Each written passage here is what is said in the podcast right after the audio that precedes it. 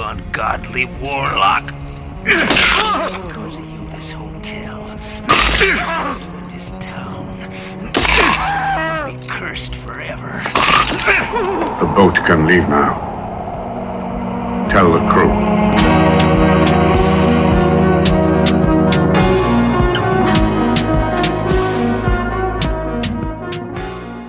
En welkom bij Julius versus Jasper, de podcast waarin we elke aflevering weer twee films bespreken.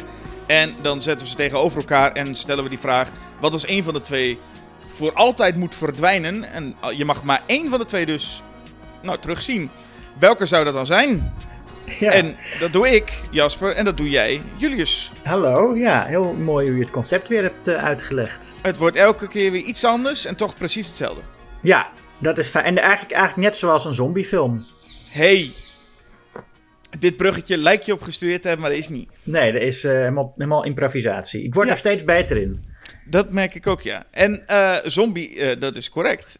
Tijd ook dat we weer eens een keer over horrorfilms hebben. Ja, Maar, maar voordat we dat gaan doen, Oh. Julius, ja. moeten we nog even één, één, één luisteraar specifiek bedanken, vind ik. Willem. Willem. Ja, Ja. Even heel kort voor de luisteraars en ook voor Willem zelf, want Willem heeft ons gemaild. Eh we kennen Willem niet, maar hij heeft ons gemaild met een leuk bericht. Hey, eh, ik, kijk, ik luister heel veel naar jullie podcast en hij zei dat hij het zo fijn vond dat wij nooit zeuren over abonnementen of bijdragen of kortingcodes of wat dan ook. Maar meteen met de discussie beginnen. En eh, nou, dat, dat, dat vinden we wel heel fijn om te horen, toch? ja, dat is heel fijn. En, en daarom gaan we daar nu ook eh, van afwijken. Ja, en gaan we nu ju- juist waar hij zit te denken, kom eens met die eh, eh, discussie. Maar willen we toch even zeggen, dankjewel Willem, want hij gaf ons hulde. Maar hij zei ook, aan hulde heb je niet zoveel. En hij maakte toen zomaar 50 euro over naar het Schokkend Nieuws rekeningnummer. En nou, dat is natuurlijk fantastisch. Ja, dus ja, zeker. Want daar gaan we iets heel gaan we iets leuks mee doen als podcast. Ehm, heel erg bedankt, Willem. En ja. ja, wat moet ik. Ik zei en, maar ik, ik heb dan niks te zeggen na die en, Jasper. Ik is gewoon heel erg bedankt, Willem. Ja, heel erg bedankt Willem. En het komt sowieso goed terecht dat, eh, bij, bij Schokkend Nieuws. Dus dat komt sowieso goed. Eh, daarvoor dank. En dan nu gauw door. Ja, uh, Lucio Fulci. Precies, Lucio Fulci. Met uh, aan de ene kant van, en dat, dat, ik zal het meteen even uitleggen, dat vergeet ik altijd heel vaak te zeggen. Ik ga het opnemen voor film 1 en dat wordt Zombie. Ja. Wel, ja, Zombie, Zombie 2. Uh, ja, nou, daar komen we zo nog over te spreken natuurlijk. Er zijn, er zijn nogal wat titels. Mm -hmm. ja, ik neem het op voor Island of the Living Dead. Oké, okay, nou, Zombie Flash Eaters. Ja, en, en ik voor uh, The Beyond. Ja, of...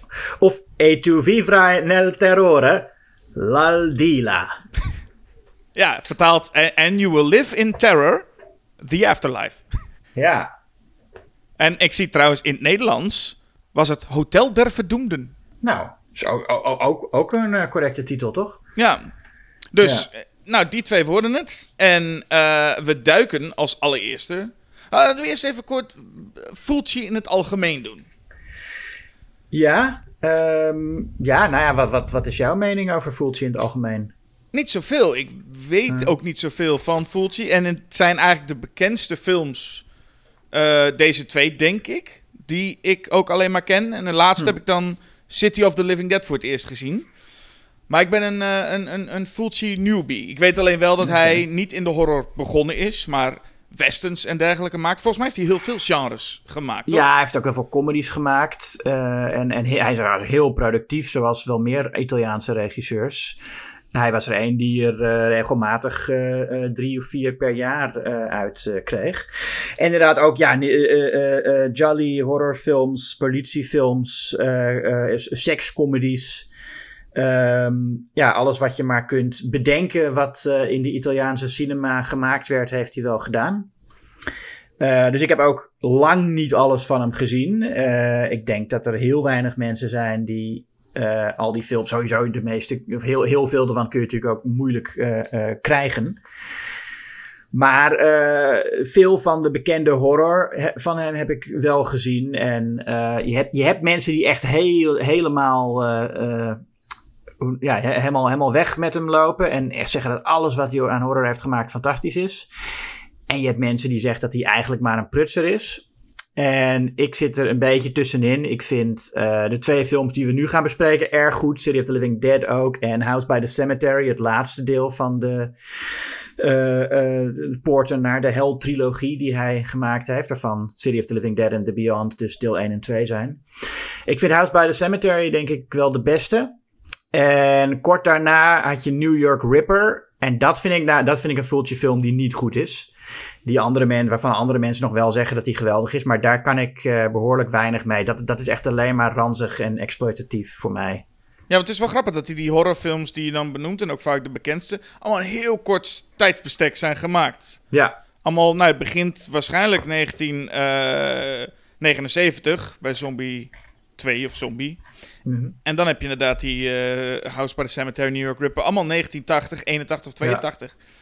En Ja. daar kreeg hij volgens mij ook de titel toen als de, de Godfather of Gore. Dat was ja volgens mij zijn die bijnaam. titel die was al van eh, Herschel Gordon Lewis. Maar die, Moest hij afstaan. nou ja, de, de delen. Delo, er zijn meer made Godfathers of Gore. Ja, maar dat is natuurlijk ook wel, ja, dat is echt waar, waar Fulci eh onder meer, nou ja, waar, waar hij vooral om bekend staat, is inderdaad eh, eh, de gore. Vaak ook met behulp van de special effectenman eh Genetto de Rossi. En dat is ook wel heel geweldig, vind ik. En er zijn altijd mensen die zeggen van je moet ehm, smerigheid niet verwarren met engheid. Maar ik denk dat er niemand is die dat echt doet. Er zijn geen mensen die echt denken dat smerig, dat alleen maar smerigheid eng is. Dat is een vergissing dat mensen dat denken. Maar dat wil niet zeggen dat, dat, dat smerigheid niet eh, kan bijdragen aan een horrorfilm. Of dat het niet gewoon ook naast elkaar kan bestaan. Je hoeft niet in te leveren op spanning eh, door gore eh, te produceren. ja. En wat Fulci volgens mij ook bewijst, is dat soms ehm, het helemaal niet erg is als het, als het alleen maar om de gore draait. Dat soms de walging inderdaad op zichzelf gewoon voldoende is en, en, en transcendentaal kan zijn en echt eh, eh, kunst op zich kan zijn. En dat het dan ook helemaal niet echt eng of spannend hoeft te zijn zelfs. Dat je gewoon echt kunt genieten van een creatieve manier om een lijk eh, open te rijten. En dat dat ook een beetje de essentie van horror mag zijn. Ja, we zullen zo kijken of iets van Zombie 2 of The Beyond nog eng is voor ons. Maar eh goor is het sowieso. Ja. En er zijn een paar andere dingen die, nou ja, volgens mij in het algemeen Italiaanse horrorfilms ook gemeen hebben. En dat is ook toen Fulci op mijn radar kwam, was het, ik vond het in het begin ook lastig. Maar dat had ik met Italiaanse horror in het algemeen. Dat had ik met Suspiria en alle andere van Argento ook. Eh, als je toch als, als jong persoon voornamelijk Amerikaanse films gewend bent, dan vind, ja, vind ik Italiaanse horror, het is toch even wennen.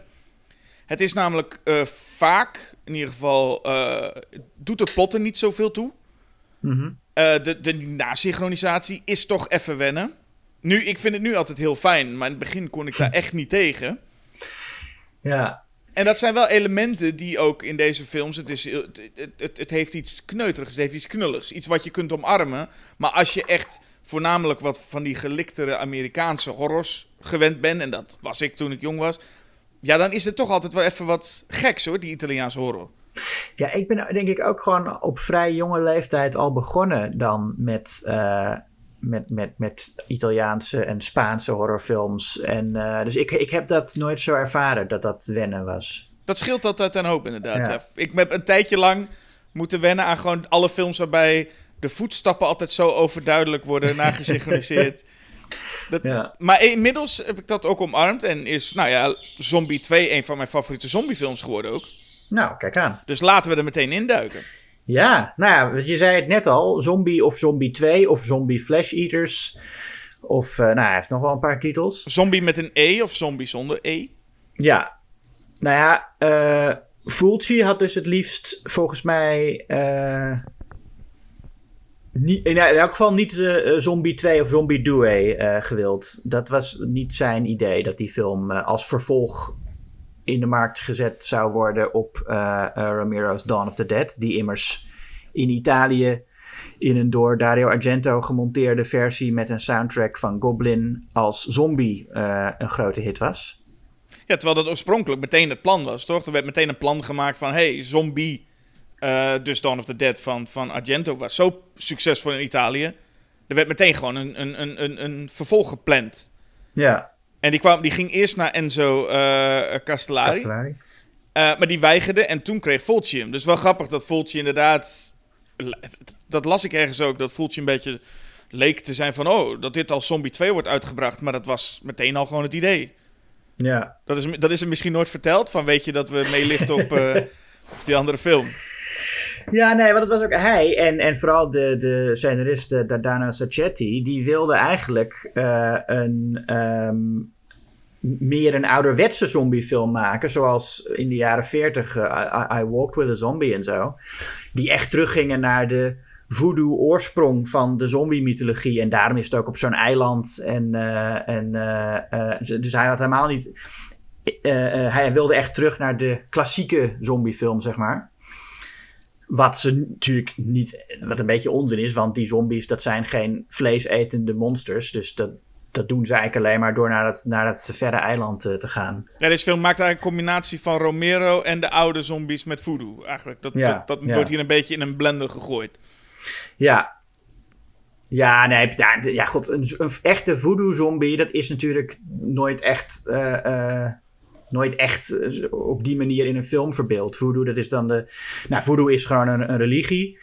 Die, eh, wat in deze film wel goed uitgelegd wordt, trouwens, eventjes. eh, dat dat een religie is die een combinatie is van het katholicisme van de Spaanse kolonisten en de Afrikaanse religies van de, de, die, die de, de slavenhandel op dat eiland gebracht heeft. Dat is inderdaad hoe voodoo op Haiti ontstaan is.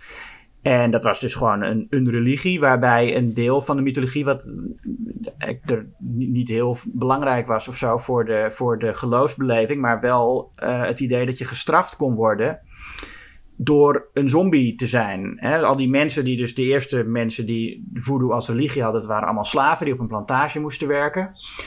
En heel veel daarvan pleegden zelfmoord, wat dan de enige manier nog was om controle over je eigen lichaam te hebben. En toen ontstond dus het idee dat als je zelfmoord pleegt, dan kun je tot leven gebracht worden en dan word je een zombie. En dan moet je voor de rest van je ondode leven op dat eiland blijven werken. En dan ben je dus eigenlijk gewoon de ideale slaaf. Dan heb je helemaal geen eh, eigen wil meer. Dan, dus dat is echt heel duidelijk een uit slavernij geboren mythologie. En zombies zijn ook niet eng om. eh, de, de angst is niet dat je door een zombie opgegeten wordt, want dat doen ze helemaal niet. De angst is dat je een zombie wordt. Dus in feite hebben deze zombies alsnog weinig te maken met, eh, met, met de voodoo-mythologie. Het zijn gewoon vleeseters. Ja, en toch wordt er een, een, een- een deel misschien goed uitgelegd en een deel ook juist helemaal niet. Ja. Want hier komt dan Richard Johnson in deze film. Het, het zegt ook iets met, iets, iets met voodoo, iets met een medicijnman. ja. Die volgens mij ook helemaal nooit te zien krijgen. Het is gewoon iets, er iets met een legende van het eiland. En we gaan door. Ja, en iemand zegt op een gegeven moment zelfs, they're, they're making voodoo. Wordt tegen hem gezegd. En dan zegt hij, voodoo won't solve anything. Dus nee, het is, het is niet... eh, nou ja, dat had je natuurlijk niet verwacht van een Italiaanse exploitatiefilm... dat het een beetje een accurate representatie zou zijn van voodoo. Maar en dat is, eh, ja, dat, dat is dan zo. Desalniettemin, een goede zombiefilm. Wat we wel verwachten is een beetje gore. En het is ook aan eh Fulci om, om zeg maar ook daar geen misverstand over te laten bestaan. En echt in de eerste seconden van de film Ja, wordt een, eh, een lijk in een wit laken door zijn kop geschoten. En dan meteen zo'n zoom op die, die hersenen er een beetje uitspuiten. En dat je gewoon meteen weet, dit is het, die gaan we naar kijken. ja het eerste shot is een, is een pistool. Dat gericht wordt op een eh, hoofd dat inderdaad kapot geschoten wordt. Ja. En dat is nog eh, voor de, de credits. En dan, nou, laten we het daar meteen over hebben. We gaan het sowieso straks nog hebben over Fabio Frizzi. Mhm. Maar we moeten er eerst nu bij, bij Zombie 2. En ja, ook die twee moeten we tegenover elkaar zetten. En dan wint wat mij betreft Zombie 2 wel met de muziek van Oh ja. Fabio Frizzi. Ja, deze, deze theme is, is, is fantastisch. Dit, moet, dit moet toch in de jaren, eh, begin jaren 80 in elke discotheek ook gedraaid Ja, zijn. nee, dat, je, je hebt gelijk. Dat is le- ik, vind, ik vind de muziek van de Beyond ook lekker hoor. Maar ja, ja, je hebt natuurlijk, het is, het is catchy en het is eh, gezellig ook. Het is een hele, gezel het is hele gezellige muziek. zit er meteen lekker in. Ja. En dan gaan we naar New York, toch? Ja, klopt. Ja. En dat is iets wat in het algemeen... Lopen een beetje door het verhaal van Zombie 2 heen. En nou ja, wat ik al zei, dat ik merkte bij veel Italiaanse horrorfilms... Het, het, de plot doet er niet zoveel toe. Bij Zombie 2 is die duidelijk. Ja. ja, nee, dat is het. En daar hou ik eigenlijk wel van. Ik denk dat, het, dat er een, een element aan... Ja, ook Fulci's films, in ieder geval de twee die ik dus gezien heb... De Beyond, andere, de Beyond en City of the Living Dead... is een soort droomachtige eh, wereld. Suspiria had het dan ook heel erg. En eh, memorabele scènes. Maar hier zit echt een duidelijke, een duidelijke lijn in. Ja, we hebben eigenlijk een klassiek avonturenfilm gegeven. Namelijk een, een vermiste dokter op een ver eiland. En zijn dochter die op zoek gaat naar hem, toch? Ja. Dat is een kla- klassiek avonturenverhaal eh, concept. En er is natuurlijk nog een, een, een man bij die haar daarbij helpt. En dan gaan ze met z'n tweeën eh, naar dat eiland waar die doktervader eh, zou zitten. Ja, want de, de, de dobbert dus in New York dus... zien we een, een, een zeilbootje er rond dobberen. En dan hebben wij verder nog niks gezien. Ja, behalve dus die, dat, dat, dat, die gunshot en die hersenen van het openingsshot. Maar verder weten we niet wat er aan de hand is. Goed, iedereen weet dat de film waar we naar kijken Zombie heet. Dus zo verrassend zal het niet zijn. Maar de politie, en die politie zit dan ook. En die zeggen dan tegen elkaar: Oeh, als dit schip verlaten is, dan krijgen we vast een flinke bonus als we hem binnenhalen. Ja. Ik weet niet hoe die politie daar werkt, maar je krijgt schijnbaar een bonus als je een verlaten boot binnenhaalt. Ja. Ja, dan krijgen we zo'n heel mooi beeld van zo'n dikke zombie. En dan is ons eerste, al vrij snel eigenlijk, een, eh, een beeld van een zombie. Ja, hij laat er geen gras over groeien, voelt hij. Hij weet meteen waar de mensen voor komen. En eh, nou ja, dat vind ik een, een aardige eerste zombie, toch? Je krijgt eerst even dat, dat schip te zien met allemaal rottend eten en zo. Dat vind ik ook wel leuk. Nou, En dan, nou, na het rottende eten, het, het rottende lichaam van een zombie. Die meteen, eh, nou ja, die wel, die, dat, dat is de zombie die uiteindelijk naar het apocalyptische einde gaat leiden natuurlijk. Maar daar zijn we nog niet. nee. Nee, we moeten even het. eh, want het bootje is een, een reden. Of eigenlijk dit, dit voorval is de reden voor om Lucio Fulci zelf, die een, een cameo heeft in zijn eigen film als eh, eh, journalist. En die geeft eh, journalist Peter West een opdracht om zich in dat verhaal te verdiepen. Ja. Maar schijnbaar staat dat verhaal ergens op pagina 15 van de krant. Van dit, deze aanval. En dan zegt hij: ga daar nog maar even je in verdiepen. Ja. Dus. Nou ja, even kijken wat, wat er allemaal aan de hand was, ja. En hier valt die. Kijk, die, die dubbing na synchronisatie, dat hoort er gewoon bij. Het, Ik vind het altijd wel ook gewoon. Het blijft mij nog steeds geestig. Vooral als. ehm daar zit Pieter zit dan in dat kantoor. Allemaal mensen. Je hoort ook al die mensen en, eh, in dat kantoortje. En dan wordt Pieter, loopt er iemand naar Pieter toe van... Hé, hey, de baas wil je spreken? Zegt ze heel zachtjes. En de vrouw waarmee hij dan aan het praten is, heel ver weg... die zegt er keihard... Oké, doei! en die loopt dan weg. ja. En inderdaad, die voetstappen die allemaal ook zo heel hard. eh, ehm, het blijft een leuk opvallend iets. En ik, ik, je vraagt je soms af of ze überhaupt geluid opnamen bij deze films. Of dat het hier ook inderdaad gewoon. Dat wat, wat vaker is hè, bij dit soort films waarvan ze wisten. Het gaat toch nagesynchroniseerd worden. We nemen überhaupt geen geluid op. Nee, natuurlijk hebben ze geen... Nee, dat, maar dat, dat, deden ze, dat deden ze ook niet in Italië. Er werd nooit geluid opgenomen. Überhaupt nooit. Dus bij al deze Nee. films niet. Nee, nee, want ook het Italiaans is gedubt. Die films zijn sowieso nagesynchroniseerd. Dus sowieso alle dialogen zijn... eh, en, en zetgeluid is nog steeds... wordt dat meestal achteraf eh, opgenomen. Ook, ook voor Hollywood geldt dat. Eh, voetstappen, dat neem je ook niet op de set op. Dat wordt daar ook allemaal door Foley mensen gedaan. Ja, maar wat me dan opvalt, en dan is het misschien dat het door verschillende foliemensen gedaan wordt of zo. Want sommige dingen zijn echt overduidelijk erop geplakt. Het bijna alsof je naar een master movies kijkt. en andere keren is het echt, nou ja, dat je gewoon bijna gelooft dat het echt is. En dan lijkt het, ja, of het was de foley artist had een goede dag in één keer. Maar soms Ja. voelt het echt alsof het gewoon erbij hoort. Ja, die soundmix, dat is wel raar hoe die Italianen dat deden. Ehm, maar zij, ja, de Italiaanse visie op film is ook veel meer puur voor het visuele. Ik, ik heb eh Suspiria een keer gezien in de bioscoop waar eh, Dario Argento bij was. En die werd dan gevraagd door Martin Koolhoven. De introductie en zo. En Martin Koolhoven vroeg van, nou, we gaan nu de Italiaanse versie vertonen. En dat wilde ik heel graag. Eh, en en wat, wat vind jij er eigenlijk van? Vind je het, vind je het goed dat we Italiaanse en hebben en niet de Engelse? Of wat? En zei Argento zei van, nee, doesn't matter. It is uh, the image that counts. dus het kon helemaal niks schelen. En ehm, ja, dat, dat, dat, het is echt, het gaat om het visuele. Maar ook het geluid is veel vaker echt een stijlmiddel. En daarom is het eigenlijk die harde voetstap. Maar ook vaak staat de muziek heel hard in de mix. Ehm, omdat het is veel minder gemaakt om de realiteit ook te benaderen. Ja, en bij die bijvoorbeeld van die voetstappen, dat vind ik altijd gewoon grappig. Omdat mensen lopen dan, zelfs als ze op een zandpad lopen, hoor je nog klik, klik, klik, klik, klik Ja. overal. Maar eh, kijk, bij de gore-effecten, als zombies lopen te peuzelen, dan snap je dat natuurlijk sowieso. Dat ze het dik aanzetten en laat dat maar smerig klinken. Ja, Ehm, Ja. Maar, maar er gewoon, er is niet heel veel consistentie. En ook qua dus kwaliteit, dat je soms echt duidelijk hoort, dit is heel slecht opgenomen. En soms de- dat het gewoon echt klinkt alsof, nou ja, ik, de, er zijn acteurs of personages tussen waarbij je denkt, oh, dit lijkt wel gewoon ter plekke opgenomen te zijn. Ja. maar eh, dat, is, dat is dus niet zo. Het scheelt volgens mij ook een hoop werk trouwens, op de set zelf. Ja, nee, zeker. Daarom, de- dat, ze deden het ook omdat het, omdat het inderdaad heel makkelijk was. En eh, hadden toen, toen, toen al die Amerikaanse acteurs eh, binnengehaald werden, hadden die daar vaak heel veel moeite mee. Want er was ook geen stilte op de set. Lichtmensen die stonden gewoon met elkaar te praten, terwijl die acteurs daar een scène stonden te spelen. Dus Christian Bale was daar helemaal uit zijn dak gegaan. Oh god, ja, dat zal, dat, dat zal niet best geweest zijn. Nee. Nee, maar dat was dus een, is gewoon een heel andere eh, cultuur. En het is ook niet dat ze, dat ze het, het is, Want sommige mensen zeggen van, oh, dat konden ze toen nog niet.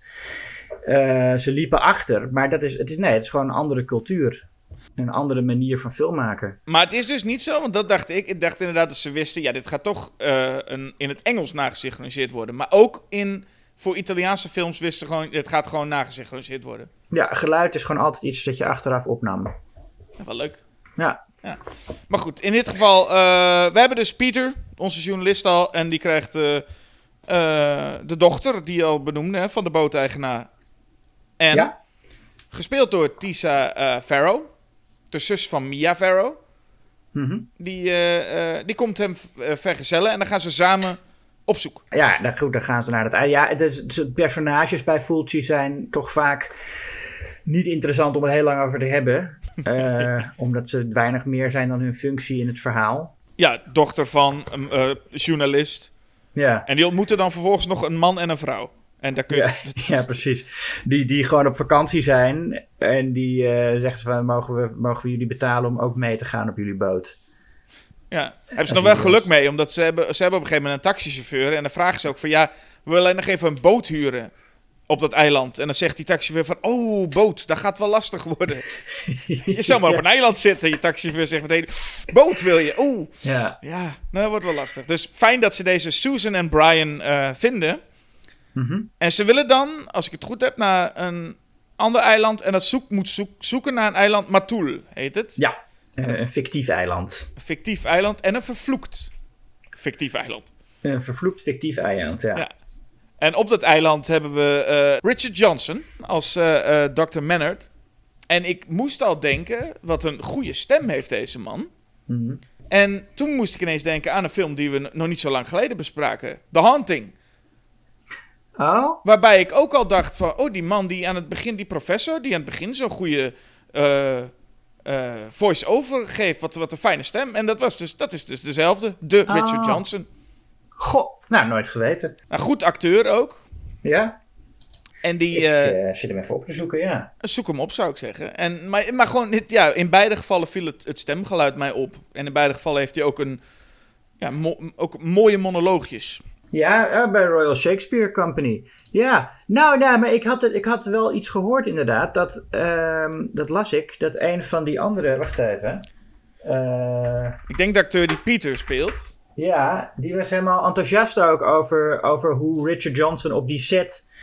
eh, zijn, zelfs zijn expositiemonologen zo, zo, zo, zo mooi en, en poëtisch voordroeg. Ja.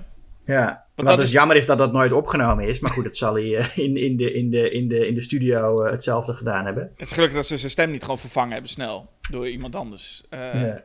Maar het is inderdaad ook fijn dat bepaalde acteurs in dit soort films... want je kunt je voorstellen, je bent een Richard Johnson... je zat in The Haunting... dat je bij zo'n zombiefilm van Lucio Fulci denkt... ik, ik, ik doe het even in mijn slaap. Het is altijd fijn om te zien dat acteurs daar toch wel op een of andere manier... hun best doen. Ja, zekere werkethiek heeft die Johnson dan. Ja. Ja. En hij is, dus op het, hij is dus op het eiland samen met zijn vrouw. Mhm. En zijn vrouw is hem helemaal zat. En we komen nu in, een, een, wat, wat mij betreft, een, een reeks van zeer memorabele scènes. En ik denk dat dat de meeste...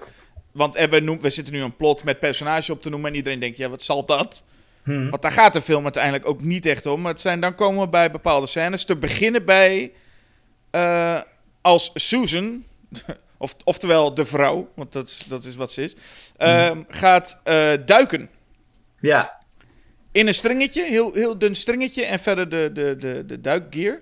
Ja. En dan komt ze een haai tegen. Ja. En de haai komt op, eh, op zijn beurt weer een zombie tegen. En dan krijg je het eh, welbekende. Met de theme dus. hè, die theme die dan even weer klinkt van Fabio Frizzi. En dan gaan haai en, en zombie met elkaar op de vuist. Een gevecht tussen die twee. Op de vuist, ja. Hoewel je het beter kan zeggen. De zombie wil steeds met de haai. En de haai zie je gewoon heel lief steeds wegzwemmen. Ja. Het is eigenlijk, het is eigenlijk een, gewoon een lieve haai. Die gewoon de- ja, nou, het is, het is natuurlijk wel een, een beetje zielig. Die haai, die hadden ze enigszins verdoofd. Met, eh, eh, nou, niet, niet, niet, niet heel schadelijk hoor. Die heeft het wel gewoon overleefd en die voelde zich daarna weer prima. Maar het was, ze hadden een soort drogerende middelen gebruikt. Of nee, die drogerende middelen is raar. Verdovende, hem gedrogeerd met verdovende middelen. Wat ook dubbelop is, maar goed. Eh, en die man die met de haai, dus die zombie, dat is de haaien trainer. Dus die kende die haai al goed. En die ging inderdaad gewoon een beetje met zijn haai spelen. En dan, eh, ja. Ja, want dat moet ook, het moet namelijk ook voorstellen dat als Susan daar gewoon eerst zwemt en dan die haai op haar afkomt, moet het ook heel erg zijn van, oh jee, een haai, een gevaarlijke haai. Mhm. Alleen die haai die is gewoon heel, die is gewoon heel erg chill aan het zwemmen. En die, die ziet hij niet eens, die zwemt gewoon een beetje Ja. boven haar langs. En Ja, maar ja, je kan moeilijk die haai eh, eh, haar laten aanvallen. nee, maar je kunt het wel zo filmen Ja, dat het zo lijkt. Ja. dat het in Maar ieder ja, geval niet lijkt alsof die haai gewoon lekker boven haar zwemt. En zij dan, oh nee, ik moet nu heel snel weg zijn. Terwijl die haai, het interesseert helemaal niks. Nou, maar, ja, maar goed, Jasper, dat kun je wel zeggen. Maar als ik in het water zou zijn en zou een haai zijn, dan zou ik ook niet wachten tot die haai op mij afkomt om te zeggen: help, er zit hier een haai. Nee, maar als hij dan boven jou langs zwemt en hij is al voorbij jou, zou je dan nog, zou je, dan nog eh, je druk maken? Ja, natuurlijk, dat beest kan terug. Maar zeker, kijk, als je, want als jij, die haai, die, die willen ook graag, die eten zeehonden en zo. Dus die, die, die kijken wat er boven aan het wateroppervlak zwemt, volgens mij. Dus zodra je weer naar boven gaat, gaat die haai je weer opmerken. Ja, dat zeg ik. Vooruit, vooruit. Ik zou nog wel zeggen dan dat. eh, je zei dat de haai trainer. Die speelt nu de zombie. Maar dat zou dus eigenlijk eh, iemand anders zijn. Eh René Cardona Jr., dus eh, regisseur. Regisseur van onder andere Under Siege. Treasure Oh, ja. of the Amazon. En die zou eigenlijk die, die rol gaan spelen. Wat ik heel willekeurig iets vind om ineens een, een soort van regisseur van... Hey, wil jij deze rol spelen? Ja. Van een zombie die onder water met een haai moet vechten. En we gebruiken trouwens een echte haai. Ja. En, en niet, niet heel, nou ja, ik vind niet heel erg vreemd dat deze beste man wilde dat doen. Maar echt op het laatste moment zei hij, nee, ik ben te ziek.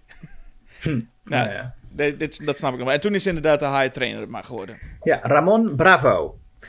En ik zou zeggen bravo voor Ramon Bravo, want ik vind het wel een heel... ehm, nou ja, hij is niet zo'n overtuigende zombie, vind ik eigenlijk. Nee, Maar het is wel... Het is, ik, het is ge- gek hoe je dat dan toch ziet, hè? Dat iemand geen acteur is of zo. Dat je gewoon toch een soort... Hij beweegt niet echt als een zombie. Hij kijkt ook niet echt als een zombie. Hij is gewoon een man. want eigenlijk, als je puur kijkt hoe de zombies in het algemeen zich bewegen... De zombies in deze film zijn langzamer dan de Romero-zombies zelfs. Ja. Dus omdat ze, ze bewegen echt bijna niet. Wat ook een Ja. heel dom gevecht was, had opgeleverd. Ja, nee, maar goed, maar dat, dat is allemaal waar. Maar ik, ik, alsnog, ik vind hem niet echt. eh, zodra ik hem zie, hoe hij uit zijn ogen kijkt en hoe hij dan. het- Hij heeft ook niet. Kijk, je kan wel. Zombies zijn niet alleen maar traag. Er is ook een soort. Er moet een soort afwezigheid van de ziel gecommuniceerd worden in die beweging. Het moet een beetje robotisch zijn of zo. En dat. eh, Ik moest een beetje denken aan de, aan de, de OG-zombie. De allereerste zombie in Night of the Living Dead. Die dan ook iets te levend is en dan met zo'n baksteen een ruit in wil tikken. Ja, Moest ik hier ook een beetje denken. Dat ik denk van, hé, hey, dit is niet die, die dikke man die we op dat bootje zagen. En ook zeker niet de zombies die we straks gaan zien. nee. Deze man beweegt gewoon. Maar misschien is dat wat water met zombies doet, hè? Dat ze nog een beetje levendig, een beetje goed voor de gewrichten. Ja, nou ja, het is hoe dan ook wel een gaaf idee dat er onder water gewoon een zombie zit. Dat vind ik wel erg vet. Dat heb ik nog nooit, eh, ha- had ik nog nooit in een eerdere film gezien. En het is. eh, ik, ik kan me ook geen enkele andere film bedenken waarbij echt een zombie onder water wordt ontdekt en daar dan een zombie gaat lopen zijn, weet je wel? Is dat niet in eh, Shockwaves? Nee, die heb ik niet gezien. Ah, oké. Nou, dan, dan, dan, dan- in dat geval Shockwaves. Nee. Maar eh, ik, ik vind überhaupt het concept... Kijk, je, gaat je, je hebt dus Dawn of the Dead. En die zie je en dan denk je, wat een goede film. En daar gaan we, daar gaan we even geld mee verdienen. Gaan een vervolg maken. En dat je gewoon bij die, die film... Dus niet alle films die hier volgt, hè, maar gewoon bij de eerste keer dat je dus denkt... Ik ga hier even op incashen. Al met het concept komt haai en zombie. Hm, ja. Dat vind ik heel goed. Ja. Zeg maar alsof men nu, hè, iedereen heeft het, het is een eh, uitstapje, maar iedereen heeft het altijd over dat Friday the 13th moet nu een keer een deel hebben in de sneeuw, want dat wil iedereen graag zien op een of andere manier. ja. Maar je moet je voorstellen dat men dat dan deed voor Friday the 13th deel 2. Gewoon meteen Jason in de sneeuw. Ze zijn zo vroeg al met het idee van een, een een concept Ja. waarvan je denkt, dit doe je pas veel later. Maar dan meteen, ja, leuk concept, high tegen zombie. Ja. Ja, bij Jason heeft het tot, eh, tot deel 8 geduurd voordat hij in het water ging. En toen was het nog niet eens een haai erbij. Nee, precies. Er is nog geen high geweest tegen Jason. Ja. Nee. Maar goed, we zitten natuurlijk net. Eh, Jaws was ook nog redelijk op iedereen's eh netvlies met, eh, in die tijd. En het is een, een, ja, het is een rustige scène ook. Het is best een rustgevende, droomachtige scène. Als je, hem zo, als je je zou zeggen van ja, haai tegen zombie, dat wordt spectaculair. Maar ja, dat valt allemaal wel mee. Ook natuurlijk omdat het gewoon een echte haai is die daar een beetje verdoofd loopt rond te zwemmen. En, en door een trainer wordt eh geaaid en zo. Ja. Maar eh, ja, nee, het, is, het, het is een mooie scène om te zien. Ja, en volgens mij kunnen we vrij snel naar de volgende memorabele scène. Iets minder mooi. Of eh, heeft, heeft, ook iets moois. Maar dat is als we naar eh, ehm, de vrouw van Richard Johnson gaan. Ja, Althans, niet van Die, Richard Johnson, maar van het personage van Richard Johnson. Ja die onder de douche eh, staat. Ja, meteen al een mooi shot. Zij staat te douchen en dan die hand die dan op dat raam al eh, verschijnt op de voorgrond. Ja. Ja, ik, ik dacht dat je bedoelde het shot dat zij staat te douchen en dat er dan twee spiegels zijn. Zodat je haar meteen in één shot van alle kanten naakt ziet. Er was Fulci... eh, a- als hij naakt in zijn film stopte, dan, dan was het wel echt meteen zo. Weet je wel? Van nou, ik, ik ga nou toch exploitatief doen. Laat ik dan maar ook gewoon meteen eh, het, het zo exploitatief mogelijk maken. Dit was me eigenlijk niet eens echt opgevallen dat dat inderdaad heel raar is. Dat er zo meerdere spiegels zijn, Ja. zodat we dat zo kunnen zien. Ja. Dat Maar dat goed, eh, ja, dat, dat, dat is, eh, ze staat daar en dan komt inderdaad de hand van de zombie. En deze zombie is er een die we eigenlijk niet, heel lang niet goed zien. Wat wel vrij uniek is voor Fulci. Hij was altijd van het meteen alles heel duidelijk laten zien. Maar hier, eh, nou, zij komt uit die douche en trekt een badjas aan en ziet hem dan en schrikt. Nou, ze hoort eerst een heel hard gesis. Ja, Waarbij ik dacht, is het een slang? Maar het is, ze hoort een heel hard gesis, is daar bang voor, loopt ook weg. Maar dat schijnt dus de zombie te zijn die ze hoort. Mhm. Maar die wordt aangezet met een sis. ja nou waarom ook niet. Om, waarschijnlijk omdat hij dat geluid niet maakt. Maar Nee, dat, nou, blijkbaar maakt hij dat. Ja. En, dat eh, eh, eh, en, het, en, en, en dat valt haar op. En dan. ehm, maar is het wel een gesis? Is het niet, ik, is het niet gewoon een, een geritsel? dat weet, dat weet ik niet. Het is een beetje een vreemd geluid in ieder geval. Wat zij echt hoort. Dus het is ook geen sound effect die aangezet is. Want zij hoort het echt en schrikt Hmm. daarvan. Ja. Eh, maar volgens mij is de zombie dan al binnen. Ja. Althans, zij komt in ieder geval vrij snel. Zij, zij gaat gauw eh, een kamer in en, eh, en verstopt zich. Of verstopt zich. Ze, ze zet een kastje voor de deur. Nou, ze probeert eerst zelf de deur dicht te houden. Maar dan merkt je dat hij al. eh, dat die deur niet dicht wil, omdat die zombie al probeert binnen te komen. Ja, ja snelle, snelle zombie een, een, toch ineens. Ja, hij is toch inderdaad. We zien hem helemaal niet als zij daar naar binnen gaat. Maar zodra ze de deur probeert dicht te doen, is hij blijkbaar al voor de deur. En, en, maar, en zij heeft hem dan al wel gezien. Ja. Ze heeft wel iets gezien en we weten niet wat. En dan is inderdaad, dan probeert ze zo die deur dicht te doen. En dan komt zo de hand van die zombie er langs. En eh, de hele scène heeft helemaal geen muziek. Het is eigenlijk een heel onkarakteristieke Fulci-scène. Het is echt suspense. Zonder muziek, zonder, eh, zonder al te veel eh, gore op dit moment. We hebben die hele zombie-kop nog niet eens gezien. Eh, dus je denkt, ja, Fulci is wel een beetje Hitchcockiaans bezig haast. Maar daarin komt natuurlijk gauw verandering als de zombie zich door de deur heen weet te werken. Ja, zelfs dan kun je je nog afvragen wat gaat er gebeuren. Maar voor de mensen die inderdaad sowieso die Fulci al een beetje kennen... en die zien een stukje hout dat eh, toch op een bepaalde manier naar haar gericht is... die weten eigenlijk al genoeg. Ja, die deur is opengebroken. Zo'n splint, een dikke splinter steekt uit. En eh, dan komt inderdaad Fulci's favoriete lichaamsdeel om te mutileren. Het, het oog. Ja, want hij grijpt, Eh. hè, de zombie grijpt daar bij de haren. Dat is trouwens een favoriete move volgens mij van, van Fulci. Meestal is het bij het achterhoofd, maar dat komen we bij, bij Beyond ook op. Dat mensen worden Ja. heel vaak bij hun achterhoofd gegrepen. Ja, En hierbij dan aan de voorkant bij het, bij het haar en langzaam naar het oog toe. En ik denk dat dat voor veel mensen al... Daar zit het hem vooral ook al in, hè? Dat heel langzaam, je weet gewoon wat er gaat gebeuren... en dat, dat heel Ja. langzaam naartoe trekken. ja. Die zombie heeft daar geen enkele motivatie voor om dat te doen. Nee, nee die, wil haar, die wil haar opeten. Dus die trekt er zo eh, naar zich toe. Ja. Ja, ja, ja Eh. precies. Ja. En dan gaat die splinter in dat oog. Nou ja, goed, dan zie je natuurlijk wel dat het geen echt mensenoog is. ja, maar normaal, zou, Eh. normaal zou dit één heel snel shotje zijn. Of we- snel weggeknipt, of iets dergelijks. Ja, ja. En bij Fulci, het gaat best, hè, er best diep in. Dan nog een keer ernaar terugknippen. Mhm.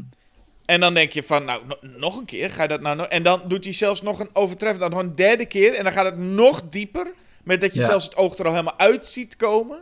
Er zouden weinig filmmakers volgens mij zijn die het echt zo lang zouden uitspelen. Ja, nee, dus Fulci is daar echt eh, de, de koning in. En hij doet het zo lang dat het ook weer ehm,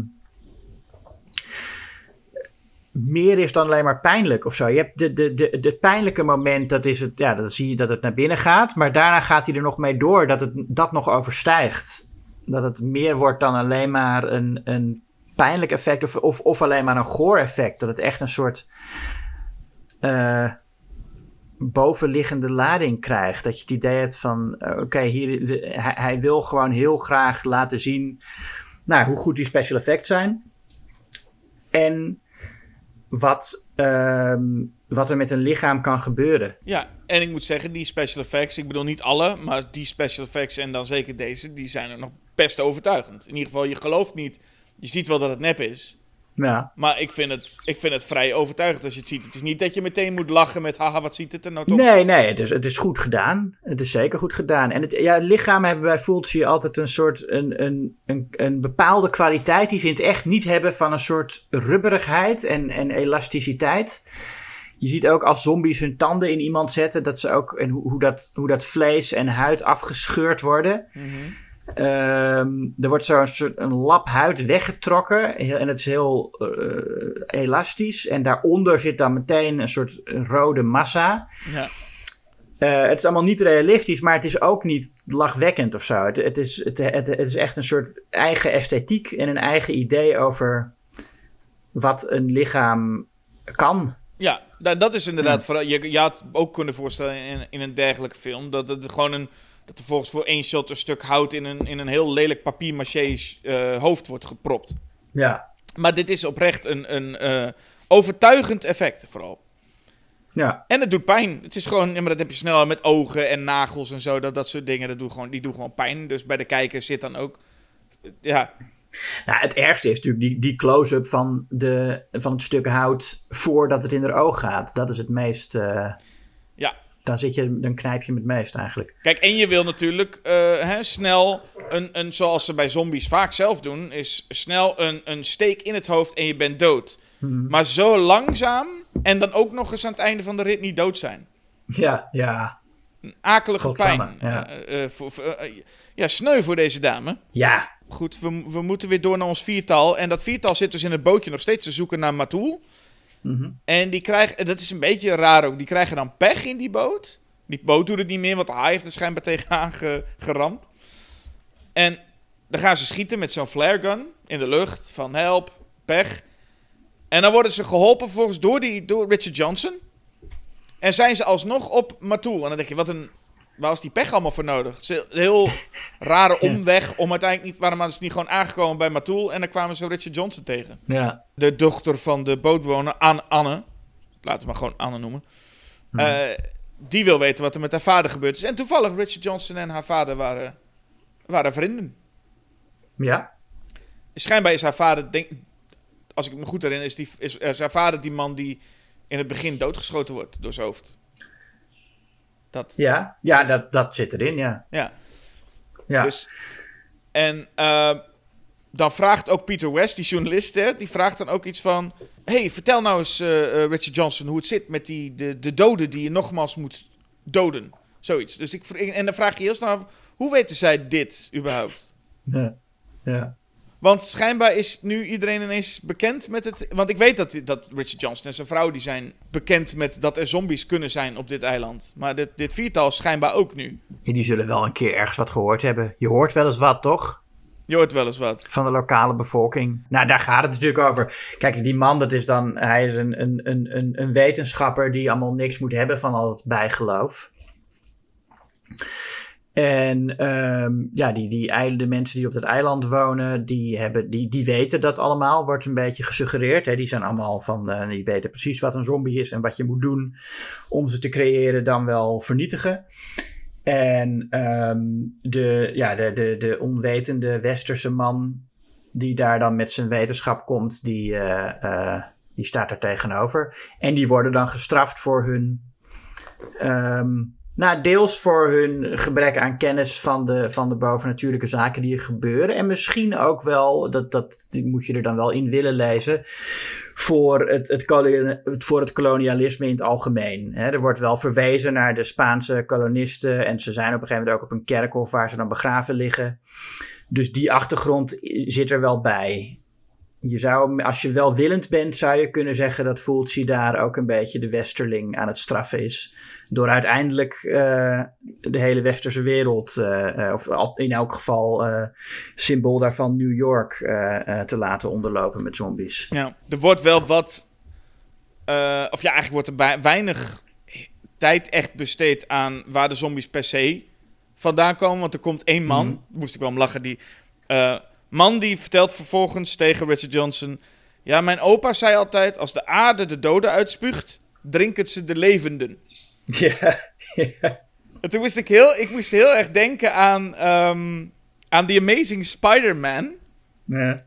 Maar daar, want daar moesten ze namelijk ook een, een, een zin die eigenlijk belangrijk is, willen ze hergebruiken, maar ze konden niet letterlijk die zin gebruiken.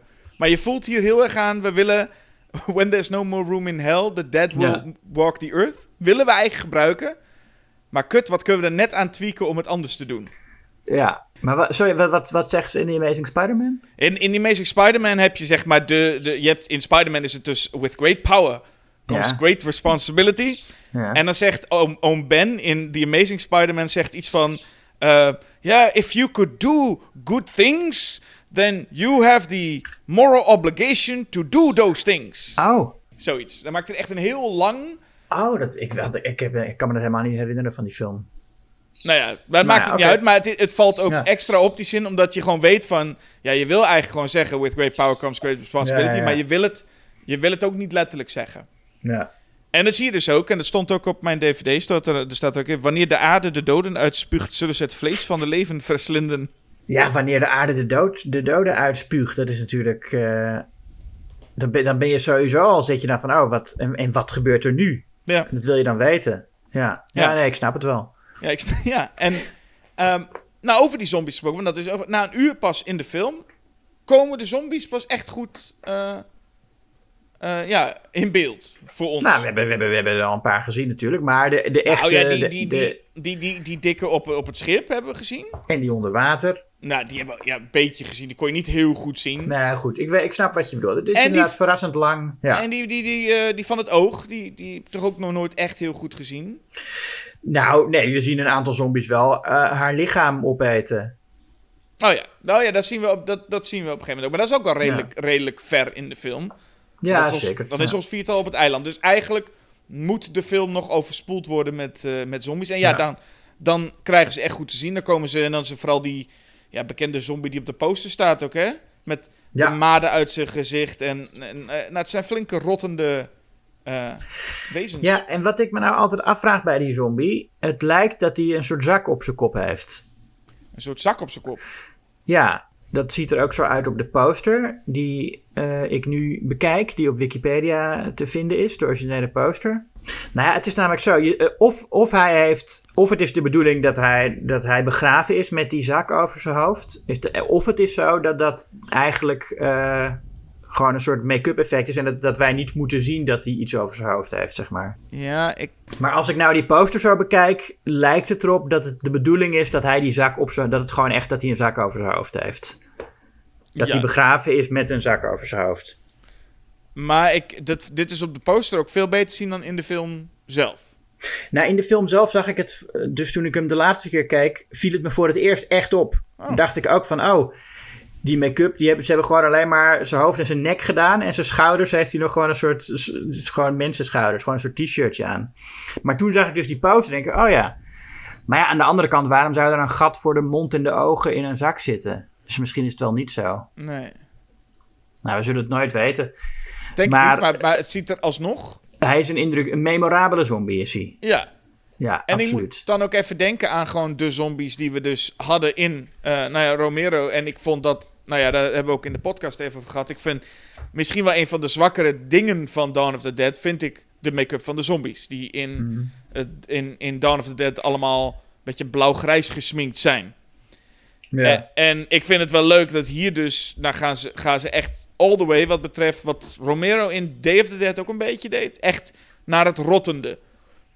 En dan vind ik zelfs Ja. dat het in eh, Day of the Dead, hoewel ik die film echt fantastisch vind en de effecten van, van Tom Savini ook eh, fantastisch vind. Maar zelfs daar is het nog ietsjes rubberiger. Hier voelt het gewoon echt. En ik geloof dat het ook is omdat men gewoon echt maden in, in, zo'n, in, zo'n, in iemands oog heeft gedrukt.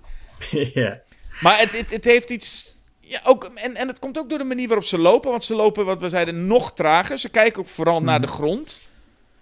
Het zijn Ja. niet hè, wat, we dan, wat we dan denken te kennen van die mensen die hun arm echt uitsteken. Maar ze, ze, ze hebben iets heel echts of zo. Ja, nou Romero-zombies zijn menselijker. En daarom heb ik ook niet, heb ik niet zo'n probleem met die make-up in Dawn of the Dead. Ik vind het wel goed dat je daar ziet dat het ook nog dat het echt mensen zijn. Ehm, en dat maakt ze ook op een bepaalde manier eh angstaanjagender. Maar eh, ik, vind, ik zie ook wel echt de charme van, van dit soort zombies... die gewoon inderdaad echt rottende lijken zijn. En eh, nou, ik zeg nog maar dat Janetto de Rossi heeft dat eh, fantastisch eh, ehm, eh, eh, gedaan. Ehm, hij heeft trouwens ook, als ik me niet vergis, de effecten gedaan voor Living Dead at Manchester Morgue, wat ook een erg goede Italiaanse zombiefilm is. Ehm, ook de moeite waard als je ervan houdt. Eh, maar eh, eh, ja, deze zombies. Nou ja, en dat is dus op het kerkhof van de Conquistadores, van de kolonisten, de Spanjaarden. En volgens mij is het dus de bedoeling dat die zombies, dat dat die Spanjaarden zijn die daar al 400 jaar liggen of zo. Wat het wel een beetje onwaarschijnlijk maakt dat ze er nog. Dan zien ze er nog best goed uit voor hun leeftijd. Ja, nee, precies. Eh, of, het, of, het, of het is. Ja, nee, maar ze zijn op een kerkhof, dus ja, dan, dan komen ze daar uit de grond. Dus dat, lijkt wel dat dat dan moet. Misschien is het gewoon op dat eiland dat die vloek daar heerst, dat ze gewoon eh, eh, nauwelijks rotten. In ieder geval goed gemummificeerd of iets dergelijks. Misschien is dat die zak. Ah, dat kan ook, ja. Ja. Maar, Maar eh, dat, zij destijds, dat zij destijds het slachtoffer geworden zijn van eh, die Afrikanen die ze daar naartoe gebracht hadden natuurlijk. Mm. Dat zij vervloekt zijn om zombies te worden door de slaven. ja. Dat, dat zou nog kunnen. En er zit hier dus, oh, want je zegt ook dat menselijke van, van de, de zombies in Dawn of the Dead. Er zit hier weinig expressie in. Ik gok deels omdat die acteurs überhaupt door dat masker überhaupt niet iets kunnen laten zien. Maar ehm, ze hebben dus ook qua eten, ze lijken helemaal niet heel erg hongerig te zijn of zo. Ze, ze waggelen op hun, heel langzaam dus op hun eh, slachtoffer af. We hebben hier ook wel te maken overigens met slachtoffers die heel lang blijven staan schreeuwen. Ja. Ja. Eh, tot ze aangevallen worden. En dan nemen ze één hap en dan gaan ze ook weer door, heb ik het idee.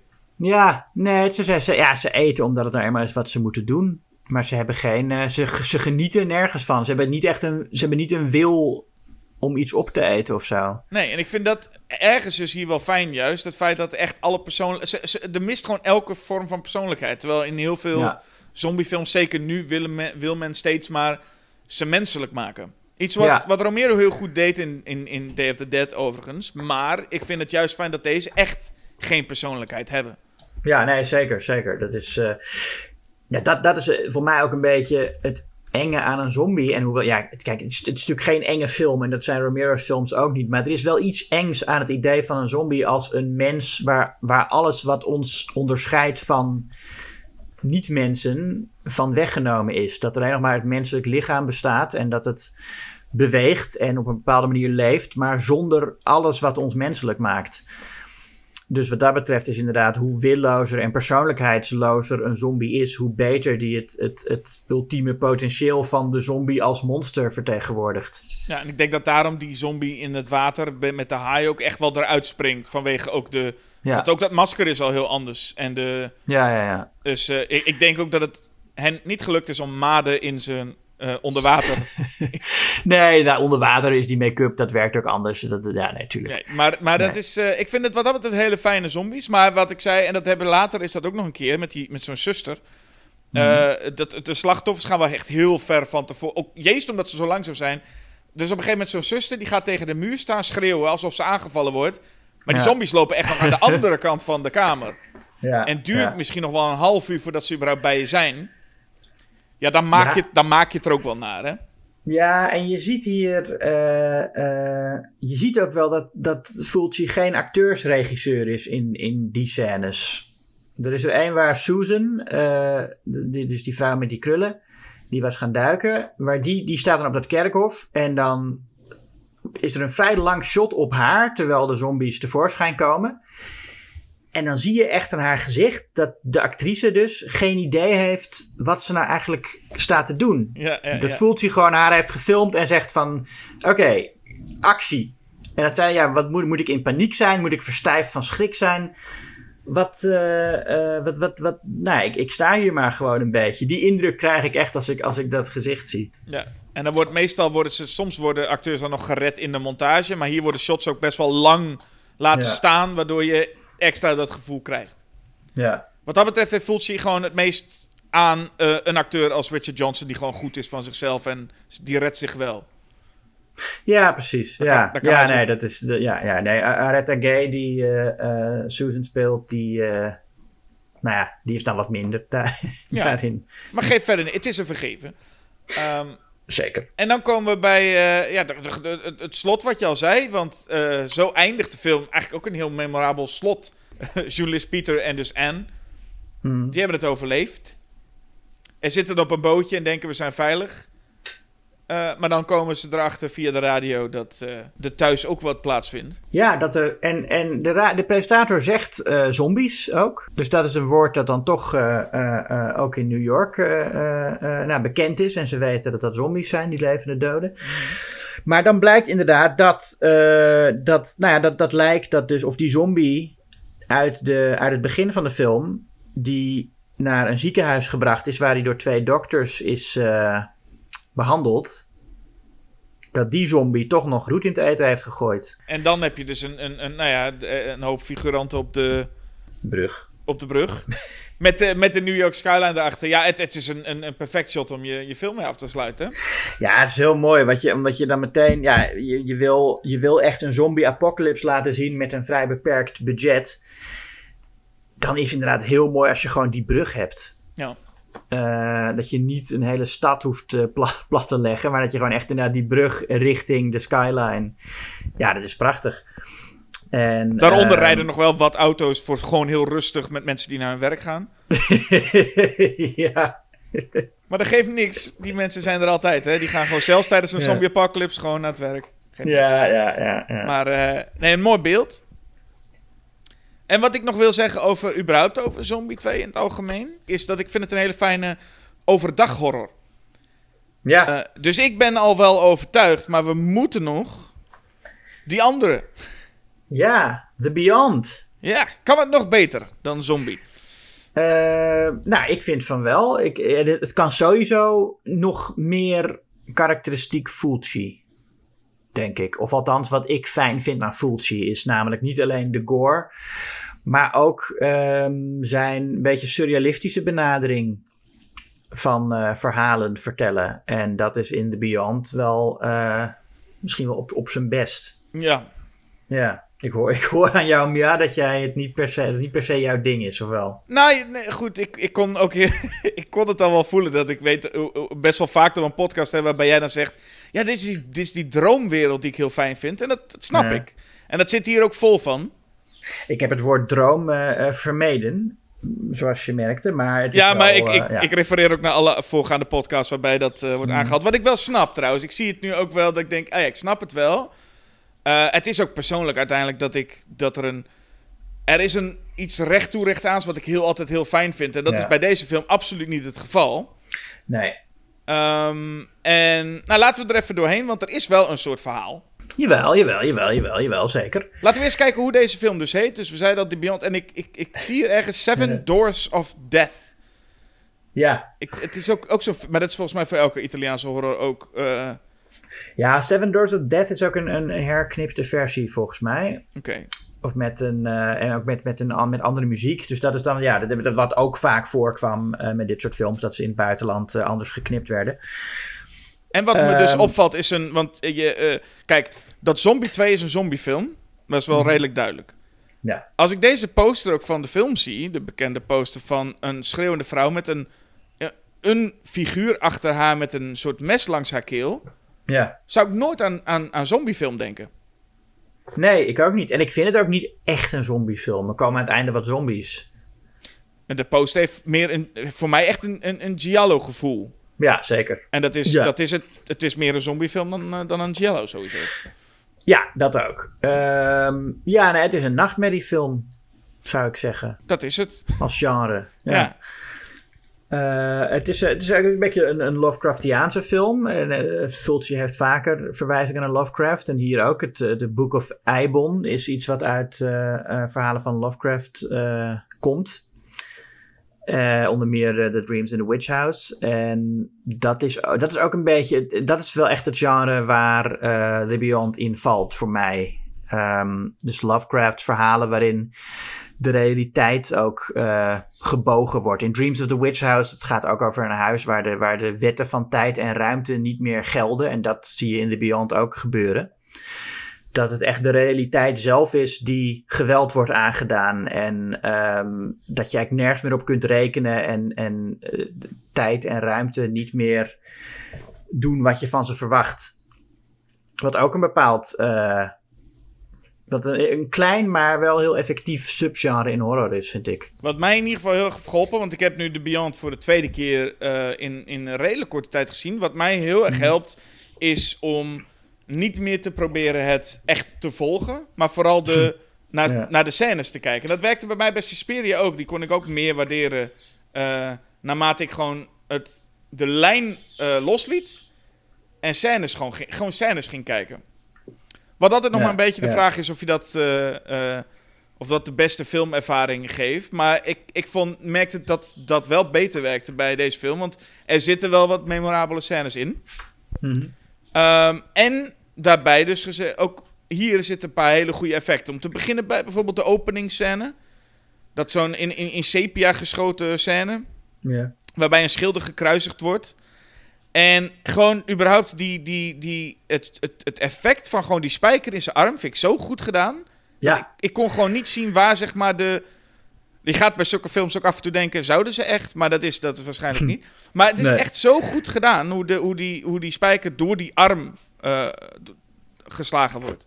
ja, dat vi- viel mij inderdaad ook op. En, en dat is een van de weinige effecten waarbij inderdaad... Vaak zijn de effecten wel goed, maar zie je wel waar het nep is. Maar hier eh, was dat toch ook weer moeilijk te zien.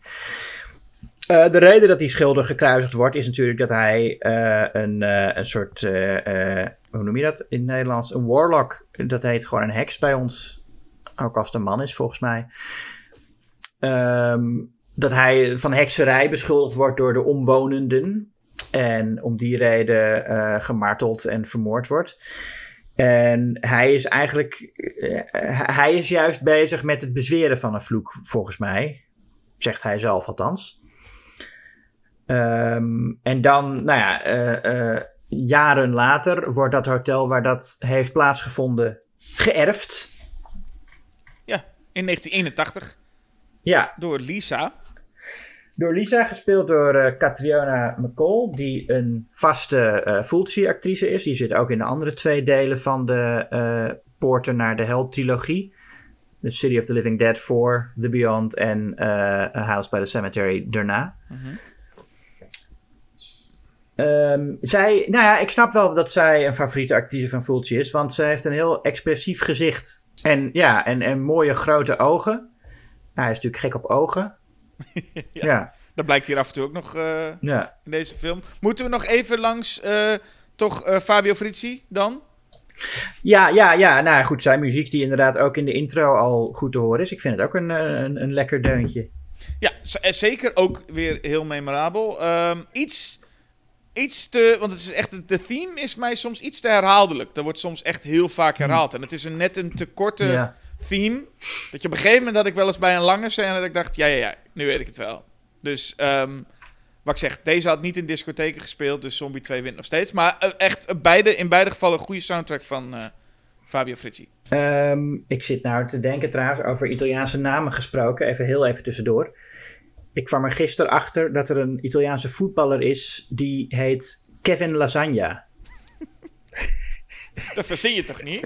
Ja, dat is echt alsof je een kind van tien vraagt hoe heet een Italiaan? Ke- Kevin Lasagna. Ehm, sorry, dat is eventjes de... ja. Een goede zijweg, ja. Ehm, Terug naar Lisa. Lisa, ja, die erft dat hotel. Ja. Of erft, ja, erft ze, ja. Ja, en dat moet opgeknapt worden We zijn in New Orleans, Eh, was dat al gezegd? bij deze. Ja, nee, dat, omdat het ook, dat is ook weer eh, dat, is- eh, iets wat eh, de Southern Gothic, om de een of andere reden, ehm, is dat echt een, een, een subgenre dat dit soort verhalen zich vaak in de zuidelijke Amerikaanse steden afspelen. De pleuris breekt meteen ook wel uit. Dat is ook wel fijn, vind ik hoor. Dat het meteen. Want het is zeg maar. Lisa heeft het hotel opgenomen. Wordt ook, even, wordt ook gezegd hè, van. mijn hotel moet opgeknapt worden. Een schilder gaat op zijn steiger. En ziet ineens een. Do- door het raam een vrouw met witte ogen. Ja, En hij flikkert meteen van die steiger af. Waarbij hij dan op de grond valt en meteen ook bloed uit zijn mond stroomt. Dan heb je echt een, dan heb je echt een flinke smak gemaakt. ja. Als, ja. het, als de bloed uit je, uit je mond stroomt. En ehm, ja, zo komen de mensen in en uit. Hè? Want, want nadat hij. De, oh ja, de dokter wordt dan geïntroduceerd. Ook hier weer, personages zijn een beetje. Ja, wat moet je ermee? Hmm. Maar dan komt jo Dr. John McGabe. Dat is dan de. Ja, wat, wat zullen we zeggen? De. de de, de mannelijke De- held of zo? De- de- ja, de man van ja, nou ja, inderdaad, de, de mannelijke held, dat zeg je goed, ja. Ja, nou ja, die, die, die komt er dan in om hem even op te halen. Maar dan, en dan komt er alweer een nieuw iemand. Hè, eh, schilder is geweest, die is gevallen. En dan komt eh, loodgieter Joe. Joe the Plumber. de locatie is ook, ik bedoel, het is hier allemaal, het is allemaal viezig, het is allemaal, en dat, dat, ja, dat merk je wel, dat, dat, dat voelt je daar ook losgaat. Mhm. Want er komt niet snel, eh, snel komen al zijn, zijn, zijn best of voorbij. Er grijpt een hand zijn gezicht en drukt vervolgens met een vinger zijn oog eruit. Ja, heel mooi. Heel mooi eh, eh, gedaan weer. Ehm, niet, niet, niet zo lang. Zijn oog, sowieso scènes met ogen zijn natuurlijk het meest effectief als de opbouw naar het doorboren van het oog heel traag is.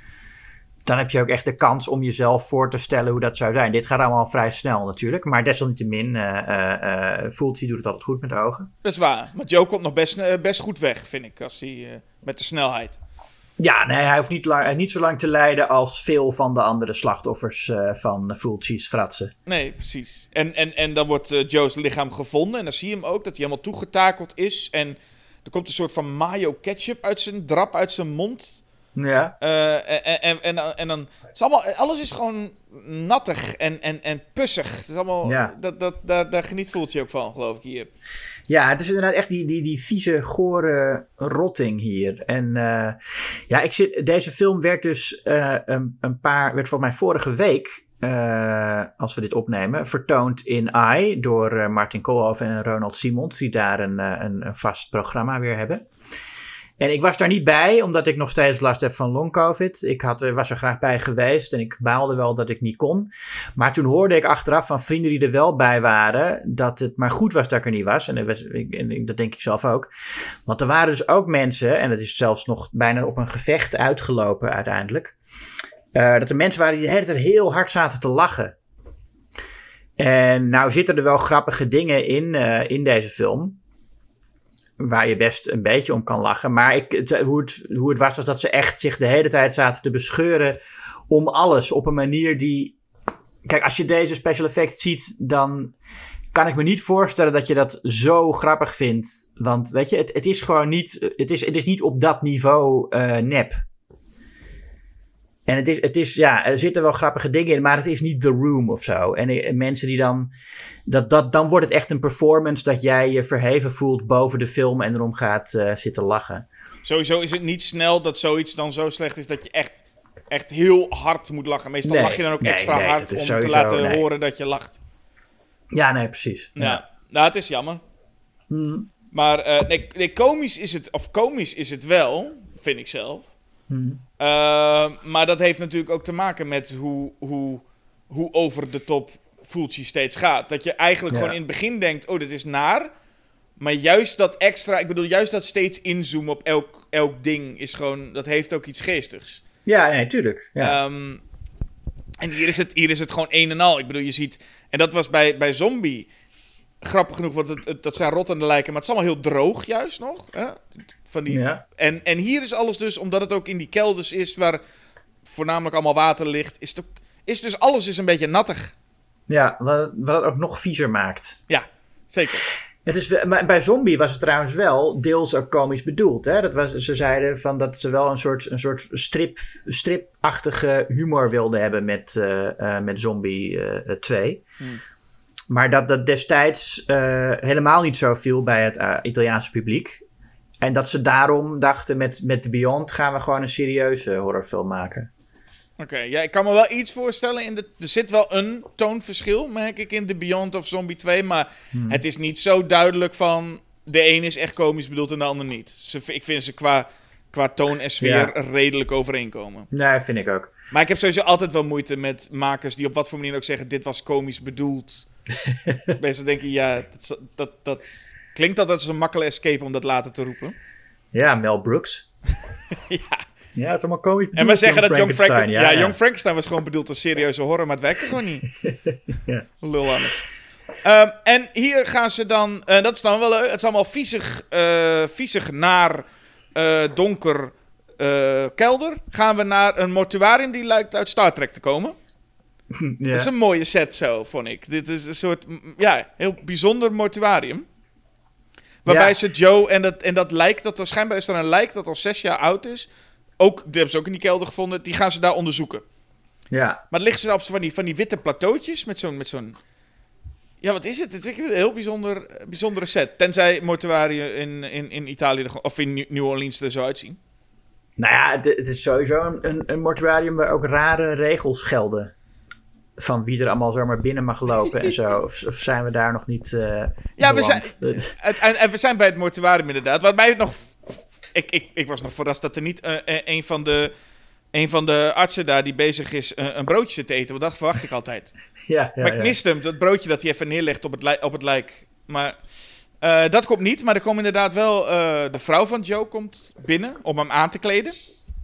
Ja, die komt dus met haar dochter, gaat ze naar eh, dat ziekenhuis en dan mag ze zomaar. Het is gewoon is er niemand die, die daar haar naartoe begeleidt. Ze gaat gewoon zomaar zelf Ja. die deur in, dat mortuarium in. En daar ligt haar man tussen de andere lijken. En dan eh, ja, mag ze daar gewoon ze zonder toezicht gewoon even zitten, even kijken. Nou, die medewerkers waren net nog bezig met Joe en die zijn gewoon weggeroepen. Maar die hebben niet Ja. iets. Dus het is niet van, we zijn al klaar met hem. Het is, er, is nie, er is niemand. Ze komt gewoon binnen en ze denkt, nou ja, dan ga ik hem maar aankleden. Ja, ze heeft een pak bij zich en dan. Je ziet, je ziet haar dat niet doen. Eh, gelukkig zou ik zeggen. Maar je, ze, heeft, ze heeft gewoon een pak bij zich en in de volgende scène heeft, heeft dat lijkt dat pak aan. En zij is daar dan in dat mortuarium en haar dochter eh, is buiten aan het wachten. Mhm.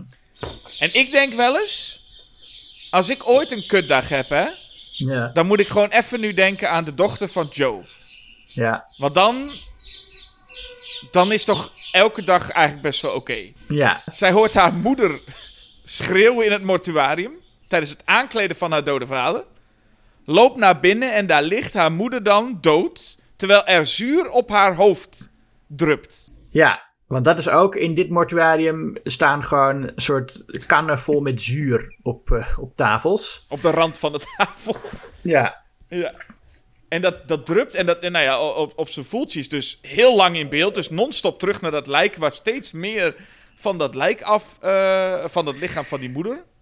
Ja, dat, dat, je ziet haar gezicht begint zo vies te borrelen en te smelten. En dan komt inderdaad een soort, een soort schuimbloed, vocht, eh, stroomt zo Stroomt richting die dochter richting van Joe. de dochter, die dan zo steeds moet uitwijken voordat, ze, eh, voordat haar schoenen onder de vloeibare moeder zitten. Terwijl haar vader daar dus nog ook ligt. En Ja, we weten niet precies wat er met die moeder nou gebeurd is. Want die schrok ergens van, schreeuwt en daarna, dat was het. Maar het zal te maken hebben met die, dat, dat lijk wat daar ook met dat ligt. andere oudere lijk dat daar eh, ligt, inderdaad, waar een, een, een hersenscan van gemaakt wordt. Ja, en nou is het al heel erg voor, nou ja, dochter van Joe. Hmm. Hè, dat je dan je moeder zo moet zien, je vader zo moet zien. Je moet op, op, op, op, eh, op de vlucht voor de, de, het bloed en, en, en het zuur van je moeder. En vervolgens doet ze een, een, een, een, deur, een deur open en dan komt er een lijk op haar afvallen. Ja, ach ja. Ja, dan denk je wel... Ja, je denkt sowieso, wie, wie stopt dat lijk daar nou? Maar Ja. dan heb je toch wel echt een klote dag gehad. Ja. Ja, dit is vind ik wel een van de mooiste scènes. Maar ook, het is ook een van de geestigste scènes. Kijk, dit snap ik wel dat dit grappig is. Ja. Dat daar zomaar een kan met zuur op tafel staat. En dat het ook zo over de top is. Dat het, eh, dat, dat, en het, zo'n klein, dat het kleine meisje het allemaal overkomt. Ja. Eh, ja, dat, dat, dat heeft ook iets, iets geestigs. ehm, en, maar ook iets heel absurds. En het is ook, ja, waarom, waarom nou een kan met zuur? Nou ja, omdat hij gewoon heel graag wil laten zien hoe het gezicht van die vrouw eraf smelt. En dat moet toch ook kunnen? Ja, maar het is dus net op welke manier je naar deze film gaat kijken, denk ik ook. Ja. Want jij, ik, ik omschrijf even jouw ding van droom, eh Mhm. nachtmerriebeelden. Dan, dan, dan is de logica niet zo belangrijk. Ja. Maar neem het gewoon eens als beeld. Gewoon het beeld van iemand waar zuur op het gezicht druipt. En jij moet op de vlucht voor al dat vloeistof wat er vandaan komt. ja, Dat is naar en dat is naargeestig. En misschien zelfs wel eng. ja, Maar ga je er, zoals wij er nu over nadenken in het verhaal, gewoon, en dat is best wel traditioneel nadenken. Misschien dat die lui die er heel erg goed moeten lachen ook gewoon nadenken over waar zou dit verhaal heen gaan. Dan wordt het een beetje gek met wat gebeurt hier nou? Wat de fuck is dit nou weer? En waarom is er nou zuur? Dat is een, een hele andere manier om die scène eigenlijk te bekijken. ja. Ja, maar ja, dit is een traditionele manier. Maar ja, dat is net zoiets, denk ik, als dat je naar een schilderij van Picasso kijkt en zegt van, oh, maar dat lijkt helemaal niet echt. Nee, en dat is, maar dat is wel. Je moet het bij wijze van spreken, ja, het klinkt een beetje stom, maar een beetje leren kijken. En dan moet je. Ja. eh, ik moest dat ook heel sterk. Ik dacht eerst ook de eerste keer dat ik die Beyond zag met wat de fuck gebeurt hier nou eigenlijk. En als je daar overheen stapt, keek ik naar deze scène en dacht ik, wat een, wat een sterke scène is dit. Ja, ja, Maar dan moet ik er niet zo heel erg naar kijken met van waar zit dit nou in het verhaal en wat is logisch en wat is niet logisch. nee, nee, nee, precies, daar moet je voorbij. Ja. Ja, En, eh, en het is wel leuk om dat zo te bespreken. Want inderdaad, ik dacht ook meteen toen die vrouw, toen die moeder daar binnen liep in het mortuarium, denk ik, mag je zo naar binnen? Moet je nou zo, ga je nou zo dit doen? Ja, dat is een leuke manier om naar te kijken. Maar dan moet je absoluut, zo moet je absoluut niet deze... De volgende keer dat ik de Beyond opzet... Oh, dat mag niet meer trouwens, want ik kies natuurlijk dat die verdwijnt. Oh ja, ja. Maar mocht ik dat doen, dan ga ik ook echt niet op die manier kijken. Want dat is helemaal niet leuk. Nou, het, het is op een bepaalde manier wel leuk, want het is grappig. Maar het is inderdaad niet, eh, de, het is niet de, de manier die de film het meest recht doet of zo. Nee. Nee. Maar Nee. je, je zegt al mooie scène. Ik moet zeggen, dus, er zijn ook, nou ja, sowieso best wel mooie shots in deze film. Hm. Eh, en ik denk dat Lisa die eh, de blinde dame Emily voor het eerst ontmoet. Eh, echt wel, echt wel, echt prachtige shots zijn. Die Ja, weg- dat shot, ja, dat is, daar is ook een, een t-shirt van. Dat, dat is echt een heel iconisch beeld, inderdaad. Een, zo'n- een, vrouw die zo midden op de weg staat met een hond. Dikkie. Ehm, met wat? Dikkie. Dikkie, ja, Dikkie de hond. Ja. Ah, een lieve hond is dat toch. Voor, voorlopig nog wel. Voorlopig, ja. Ja. Ehm, En daar komt ze dan op afrijden. En dat is inderdaad zo'n enorme leegte. En daar staat die, die vrouw. Dat is een, het is echt een prachtig beeld, vind ik dat. Ja, en die vrouw is Emily. En Emily is blind. En ehm, Ja, er is ook in de, in de, in de geschiedenis en zo, eh, is er toch wel een, een soort de idee van de link tussen de blinde en het bovennatuurlijke. Of dat blinde mensen andere dingen zouden kunnen zien. En dat is wat Fulci hier inderdaad ook eh, doet. Eh, in dit geval is het dus Emily die eh, blind is, maar wel een beetje de enige is die dat boek goed kan lezen. De, de, Book of Ibon. Wat dus dat een, een Lovecraft eh, is. Ik moet trouwens zeggen, even, weer zeggen we dat Emily is blind. Eh, maar Lisa, die gewoon kan zien, die rijdt op zo'n weg waar helemaal niemand is. Alleen zij staat daar, maar ze rent wel echt verrekte laat. Ja. Ze staat echt stil op het moment, echt te- bijna tegen Emily aan. Ik denk, dat had wel iets eerder gekund, maar goed. Ja, ja, die moet ook even naar de opticien. ja, precies. Maar ik, Emily is wel een beetje een rare hoor. Want die neemt, Oh, ja, absoluut. neemt Lisa, Lisa... Ja, Lisa rijdt daar bijna aan. En zij neemt Lisa dan mee. Ze zegt dan tegen Lisa... Want ze is volgens mij bij haar thuis, denk ik dan. En ze zegt dan tegen Lisa van... Ja, eh, deze vreemde vrouw... Ja, je moet eh, dat hotel uit. En dan gaat ze piano spelen. Ja. Ik kan me best voorstellen dat Lisa dan denkt... Nou, ik vind het niet, heel, ik vind het niet echt een heel... Toch? Als jij toch iemand heel Ja. iets belangrijks moet zeggen over demonen... ga je toch niet daarna piano spelen in je huis? Nee, nee, nee, Emily, daar is iets mee. Ja, daar is wel iets mee, ja. Maar wat, wat is het? Want dat is ook op een gegeven moment, dan springen we even vooruit, dan wordt gesuggereerd dat zij een geest is. Want dan komt Dr. John in haar huis. En dan Ja. is het helemaal verlaten en, en, eh, en, en is, ziet eruit alsof er al honderd jaar niemand binnen geweest is. Dus dan denk je, oké, nou, dan was Emily een geest. Dat kennen we wel, dat idee in horrorfilms hebben we vaker gezien. Maar dan even later zien we Emily gewoon, zonder dat er andere mensen bij zijn, met haar hond, eh, in, in haar huis zitten. En wordt zij aangevallen. Die ogen, want ze zijn dan wit, maar ze zijn een beetje vaag wit. Die heeft die schilder ook gezien. Ja, zeker. Ja. Ik weet niet, is dat, zal dat dan Emily ook zijn? Want dat kon ik niet heel goed zien.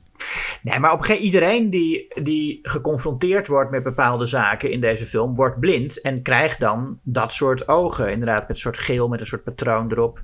Ja. Ehm, als, als je dat, als, voor mij, als je dat boek hebt gelezen, dan word je sowieso al blind. Of als je vader en moeder allebei dood zijn. Ja. En, en ja je, nou, als, je, als je gewoon geconfronteerd bent met een ja, vreemde gebeurtenis. Dat is, kijk, er is natuurlijk nou, ja, er is een, een, een poort geopend naar wat, ja, wat hier dan de hel heet. Maar wat. ehm, kijk, Fulci was natuurlijk was katholiek. En, en die interpreteert dan als de hel. Als je, als je, maar ik denk, eh, Lovecraft, waar, waar die heel veel vandaan haalt. Die schreef nooit over de hel. Hij was ook een atheïst en hij had meer met gewoon andere dimensies en, en andere werelden. En ik denk ook dat wat hier dan de hel genoemd is, ook meer ja, een soort combinatie is van katholieke ideeën en eh, Lovecrafts ideeën over andere dimensies die invloed hebben op de onze. En ehm, dat op het moment dat die poort dus geopend is, dan gebeuren er gewoon rare dingen. En dan krijg je inderdaad nou, dat een vat, eh, kan met zuur op je kop valt en zo. Dat is allemaal een beetje het gevolg van dat die poort eh, de boel aan het verstoren is. ja, en mensen die worden ofwel geconfronteerd, krijgen eh, of gaan dood, of krijgen een, dus zo'n witte waas over hun ogen. Ja.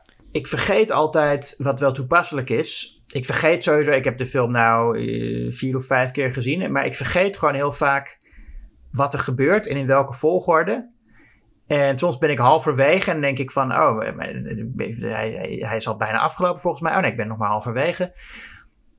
En elke keer lijkt de film toch weer anders. Wat wel, wat wel echt heel goed past bij dat eh, idee dat de realiteit eh, op zijn kop gezet wordt. En dan is het wel goed, juist jouw keuze en je argument waarom je deze film wil behouden. Want iedere keer als je hem opnieuw kijkt, is het Ja. alsof je een film voor het eerst kijkt dan. Ja, zo is het. Ja, Ja. dat is waar. Je, je hebt dan nooit dat je die film kan dromen. Nee, Ehm, nee het- hij, voelt wel als een droom, maar ik kan hem niet dromen. Ja. Precies, dat is het, ja. Ehm, laten we dan even naar een scène gaan van Mr. Avery. En denk je wie? Ik heb ook geen idee wie dat is. Uh, En de film volgens mij zelf ook niet. Maar er is iemand die bouwplannen wil bekijken van het hotel. ja. Dit is, ik, ik, ik, ik ga het nu vertellen als een tussendoortje. Maar dat komt omdat het een tussendoortje is. Ja. Mr. Avery wil bouwplannen bekijken. Schrikt van de bliksem. Flikkert van een trap af. En wordt opgegeten door vogelspinnen. Ja. En daarna gaat het verhaal weer verder trouwens. Ja. Maar dit is, en dit is eh, ja, een uiterst memorabele scène. Waarbij ehm, Het, ook, ook dit is weer iets wat heel geestig soms is. Ook soms knullig, want het is leuk omdat je af en toe ziet zo'n echte vogelspin... en zie op de achtergrond van die spinnen die, waar de poten niet van bewegen... zo voorbij hobbelen. Eh, ja. Dat is heel je- leuk. Ja. Maar ik vind ook nog steeds, en dat heeft ook misschien iets te maken met dat ik eh, niet heel erg van spinnen hou. Daar hebben we het in de podcast met arachnofobie ook nog wel over gehad. Het is af en toe ook wel echt, echt ongemakkelijk, deze scène. Ja. Op de positieve manier. Ja, ja, zeker. Ja, ik, je, maar volgens mij, je ziet nooit, ehm, voor zover ik me kan herinneren, dat een, vogel, een echte vogelspin op een echt gezicht zit. Het is of je ziet een echte vogelspin op een rubberen gezicht, die een beetje zo aan het, aan het bijten is. Of het is een, een echt gezicht en dan zie je gewoon, dat iemand, dan stel ik me zo voor dat iemand net buiten beeld met zijn hand zo'n nepvogelspin zo op die lip zit te, te douwen. Ja, Ehm, en, ja. en op een gegeven moment heb je inderdaad nep-nep. Dan zit er een nep-spin aan, aan zo'n nep eh, eh, gezicht te vreten. ja. En eh, hoe, dan, hoe, hoe knullig dat soms ook is. Alsnog een, zo, een nepspin die in een nepgezicht, maar dan toch die tong en dan aan die tong beginnen Ja. te bijten. En, en dat bloedt meteen als de malle. En dan, ik, het is iets.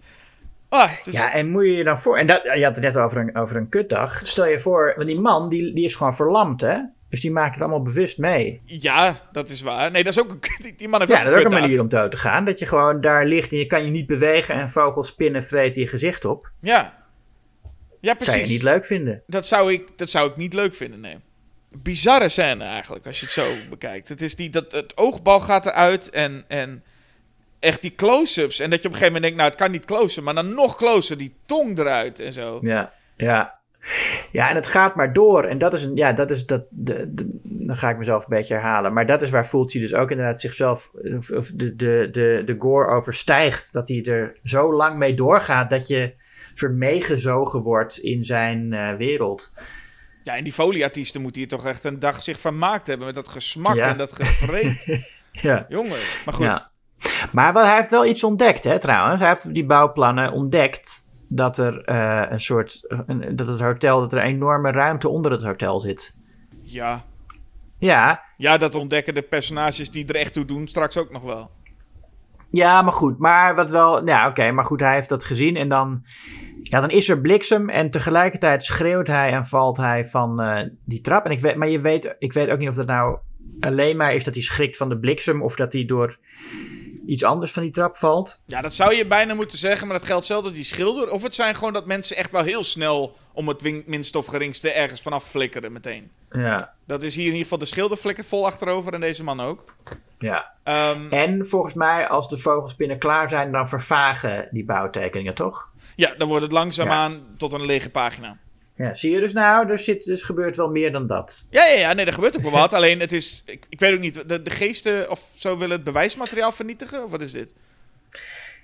Ehm, nou ja, de, dat, je kan, er zijn bepaalde dingen die je niet kunt. eh, nee, ik denk niet dat het, nee, ik denk niet dat het zo eh, rationeel is. Nee, dat dacht ik ook al niet. Maar waarom zou het moeten verdwijnen? Dat is een beetje het idee van, oh, nu, nu zie je langzaamaan wordt het steeds minder. En uiteindelijk is het een lege Ja. pagina. Maar dat je denkt, nou, dat, dat, ik denk nog niet dat iemand het opgelost had hoor, als ze dit zo zien. maar ehm, Nee, maar daar gaat het ook niet om. Het is, het is iets wat, wat mensen niet. Sommige mensen kunnen het zien en andere mensen kunnen het niet zien. En het is. Ja, ik weet het niet. Nee, maar uiteindelijk is het zo. Oké, je hebt gelijk natuurlijk, er gebeurt wel meer in die scène. Maar dit is wel typisch zo'n scène. En die zijn er gewoon niet. niet dat, je kunt wel zeggen, je kunt elke scène wegknippen. Maar dit is een scène die je Mhm. letterlijk gewoon. Je kunt bij, bij seconde 1 van die scène tot de laatste seconde wegknippen. Er verandert helemaal niks. Ja, dus dat, dat, klopt. En dat valt gewoon op in zo'n film als dit. Dat je zoveel tijd besteedt aan een scène die. Nou ja. Die kan gewoon weg. Alleen ik zou zeggen, nee, je moet hem absoluut niet wegdoen. Want het is een uiterst memorabele scène in de Beyond. Ja, het is een hoogtepunt in de film. Ja, maar ik Ja. vind het opvallend dat verhaal technisch maakt het allemaal geen klap uit. Nee. Nee, tuurlijk. Maar ja, nee, maar dat, dat, dat geldt voor heel veel dingen in deze film. Inderdaad. Ja, hoewel de meeste Eh. dingen nog wel een beetje, weet je, op een gegeven moment gaat, gaat Martha, dit is ook een, een, een figuur die dus rondloopt, die, die heeft, heeft Joe al een keer ontdekt. En nog een keer komt ze in dat hotel en vindt ze zo'n bad met allemaal ranzigheid. Weet je Ja. wel, dat je zo'n bad ziet met allemaal zwart water, stukken, haar en wat dan ook. En dat ze dan vol met de hand erin grijpt. Ja. Eh, wat een vrij logisch Ja. gevolg is altijd als je dat. eh, En Dan komt Joe eruit en die... Maar dat heeft op een of andere manier, denk je, als, ik, als iets met Joe gebeurt, dat je... Oh ja, dat heeft nog wel met het, het hoofdlijn van het verhaal te maken of zo. Van, nee, dan heb je Joe weer. Die heeft nog iets... Er is nog iets mee. Ja, en Joe die duwt haar hoofd. Die, die doet eigenlijk een soort omgekeerde versie van wat die zombie in zombie deed. Ja, die drukt haar hoofd in een paal en dan gaat het met haar oog eruit. Komt haar oog aan de voorkant eruit en dan zit het op die paal. En dat is een beetje Sam Raimi-achtig bijna. Ja, dit Dat had... het oog helemaal... Dat is toch cartoonesker dan Fulci meestal is. Dat het oog echt zo als oog op die, op, op die stok blijft zitten. Ja, het is dat voelt je nog niet de... Als, ze hadden eigenlijk in deze tijd de, de 3D-effecten moeten... Dat een Ja. soort Friday the 13th 3D met het oog dat zo richting... eh, Ja. Nee, dit is de tweede, oog, eh, tweede oogscène al in de film. Ja. Nou, ja, te- tenzij je al die mensen die blind worden ook nog meetelt. Nee, ik heb het dan echt over Ah. ogen die uitgepeuterd Ja, worden. Dan, oké. eh, dan vind ik twee in je film, dat is veel. eh. De, de meeste films hebben er minder. Precies. Ja. En, en eh, nu wordt er hier ook trouwens nog iets gezegd. Ik had het opgeschreven. Wat- Oh ja, hier wordt gezegd... The day the gates of hell are opened, the dead will walk the earth. Ja. Ja. Vind ik niet zo tot de verbeelding spreken. Dit spreekt niet tot de verbeelding, maar het is wel van... eh, als, we die van Dawn- als je die twee films samenvoegt, heb je volgens mij precies de tagline van Dawn of the Dead.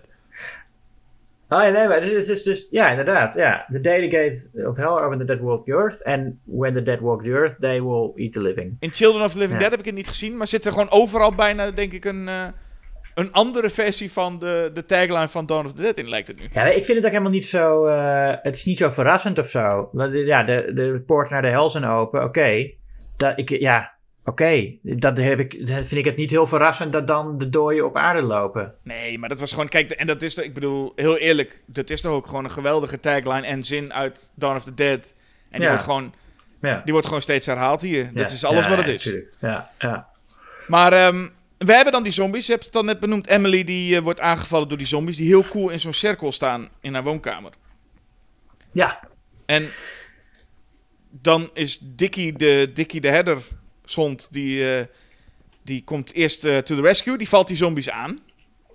ja, heel braaf. Ja, wat wel weer betekent, dat is nou eigenlijk hetzelfde als met Zombie 2. Zodra de dieren bij komen, eh, beginnen de zombies zich te bewegen als echte normale mensen.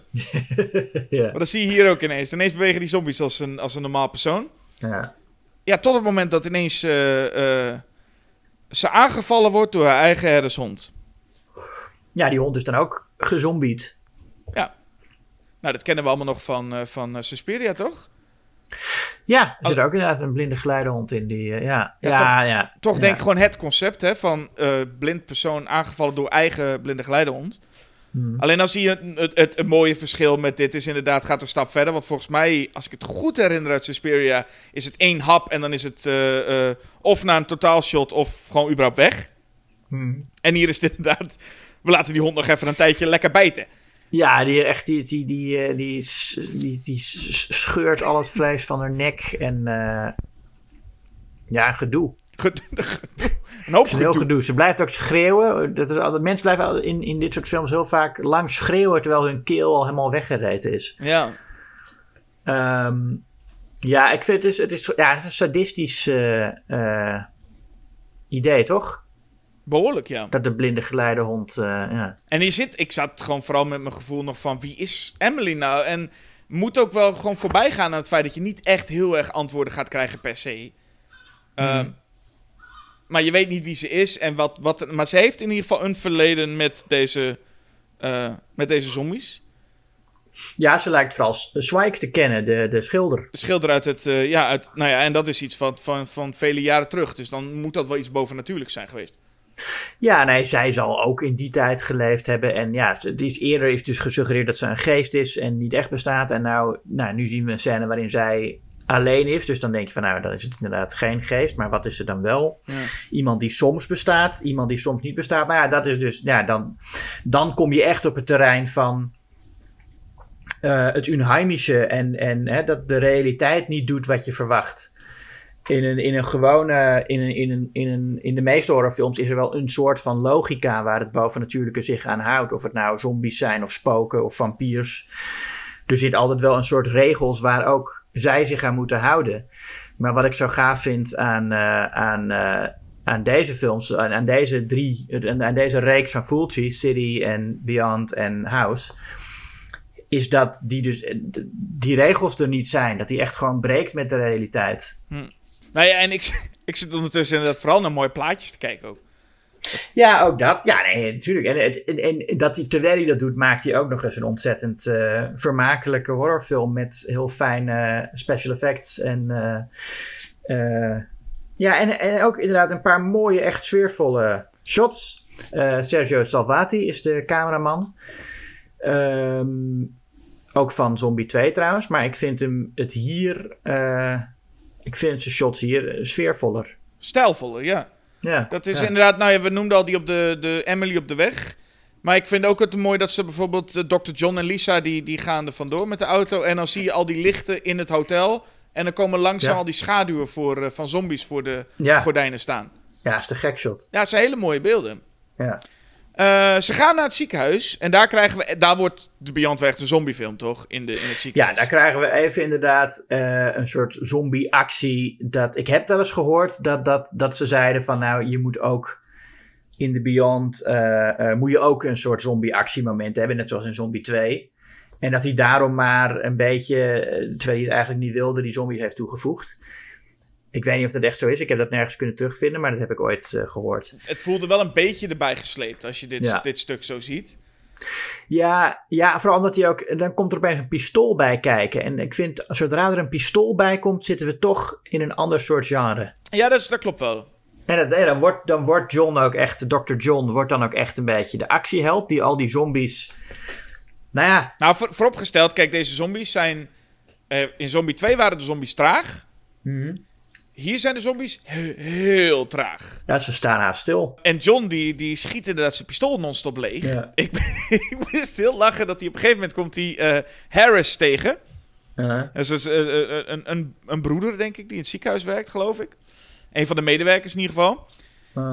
En die heeft dus, dat is echt, leek me zo kut. Misschien nog wel kutter dan de, dan, dan de, dan de, de dochter van Joe. Daar heb je dus al die zombies overleefd de hele tijd. Dan komt Dr. John je even redden. Die schiet door een raam en al die scherven flikkeren in jouw gezicht en dan ga je alsnog dood. Ja. ja, Denk je, heb je al die zombies overleefd, komt Dr. John de held uithangen en je bent gewoon dood door glasscherven. glas in je gezicht. Ja. Ja. Ja, en, maar wat, wat Dr. John ook doet, en wat ook eh, eh, raar is, hij schiet die zombies. Hij, op een gegeven moment weet je volgens mij dat de manier om zo'n ding dood te maken is door het hoofd te schieten. Dan vallen ze neer. Ja, Maar ik, was, ik was nog niet overtuigd dat die regel werkte, tot inderdaad de film zelf zei: Ja. dit is de regel, door het hoofd, dood. Ja, dat heeft, en dat merkt John dat als hij ze door het lichaam schiet, gebeurt er niks. Als hij ze door het hoofd schiet, dan eh, eh, vallen ze in één keer dood. Ja. Maar hij blijft ze maar in hun buik schieten. En soms ook gewoon, als hij er vlak naast staat, gewoon twee keer in de buik. Nou, vooral die een, want er is eentje, op een gegeven moment schieten ze dan een paar wel door het hoofd, dan vallen ze neer. Maar er is eentje die komt dan eh, eh, Lisa en zo ook aanvallen in dat, eh, in dat mortuarium ding. En dan Ja. blijft hij blijft hij maar schieten. Dat je ook op een gegeven moment het hele publiek zou moeten roepen: kom op, John. Door Ja. zijn kop. Maar hij blijft maar in zijn buik schieten. Ja, en dan heb je op een gegeven moment, dan wordt Lisa, de, hoe heet dat meisje nou, de dochtertje, die nou ook eh, blind is geworden. Ik zeg de hele tijd de dochter van Joe, maar ik weet niet. Nou ja, de, dochter van Joe, Pippi Langkous lijkt ze een beetje op. Die eh, wordt dan ook een zombie. En zodra zij... John zit de hele tijd, al die, al die andere grote mannen-zombies zit hij zo een beetje in de buik en de borst te schieten. Ja, En dan denk je van, ah, het lukt maar niet, het lukt maar niet. En dan het moment dat Pippi Langkous een zombie wordt, meteen, schiet hij een kogel door de kop en zie je dat hoofd exploderen in eh, ook wel een van de beste shots van de film. Alsof, alsof hij gewoon zat te wachten tot dat kutkind een keer een zombie... Terwijl zo, ze is helemaal niet irritant, ze gedraagt zich prima. Maar alsof hij zegt van, ah, godverdomme, zodra zij een zombie wordt, jongen. en gezien gewoon wat er allemaal met haar gebeurt deze film. Ja. Ik had bijna nog gedacht, misschien was ze nog geen zombie geworden. Dat dit alsnog haar gebeurt. Per ongeluk schiet Dr. John haar dan wel door het hoofd. Dat, dat Ja. idee. Dat, zo, ah, dat arme meisje. Ja. Ze is nu beter af hoor, echt wel. Ja, Wat haar allemaal ja. overkomen was. Zou dan trouwens... Zij heet Jill in de film. Oh, J- ah, ik zie het, ja, Jill. Gespeeld door Maria Pia Marsala. Mhm. Toch even gezegd hebbende. Ja, ja, dat is goed. goed Verder geen enkele acteur nog genoemd hier. Eh, maar ja, dat is ook niet echt... Ja, Catriona McCall hadden we genoemd. Oh ja, die hadden we genoemd. Ja, nee, klopt. En eh, ja, David Warbeck is, is Dr. John. Die, ken- ja, die kennen we vast ook wel uit andere eh, eh, goedkope films. Even kijken. Ja, hier. Twins of Evil zie ik. Fistful of Dynamite. zie je? Razor Dat soort Blade dingen. Smile. Jeetje. Oké, nou Ja. goed. Maar ehm, hoe dan ook. ja. Dat is het stuk zombie. En dan gaat de film afsluiten door nou, naar de hel te gaan. Ja, eh, dat is, ja, ze gaan inderdaad. Ze zitten eerst in dat. In, in- ze zitten nog in het ziekenhuis. En dan vi- vinden ze zichzelf opeens weer in de kelder van het hotel. Ja. Dus weer zo'n eh, zo'n realiteitsbreuk. En dan gaan ze door een soort doorgang. Dus heel vaak mo- moet je door een doorgang hè, voordat dingen eh, gebeuren. Dus ook bij Lovecraft zijn altijd van die doorgangen waar je doorheen moet. Naar een andere wereld. En dat is in dit geval de wereld die Zweig geschilderd heeft. Met eh, ja, echt een soort een, een, een, een doods landschap waar allemaal lijken liggen. En ja, dor en niks. Er is niks. En eh, onze beide hoofdpersonen worden daar ook meteen blind. Ja, en volgens mij, wat ik zo begreep, waren al die lui die. Dat waren allemaal, allemaal dronken mensen of zwervers of iets dergelijks. Die zouden allemaal iets. Een fles wijn gegeven om daar naakt in hun blote retta in de hel te gaan liggen. Oh? Ja. maar ja, en de- ja, een, een, een, een naar einde eigenlijk.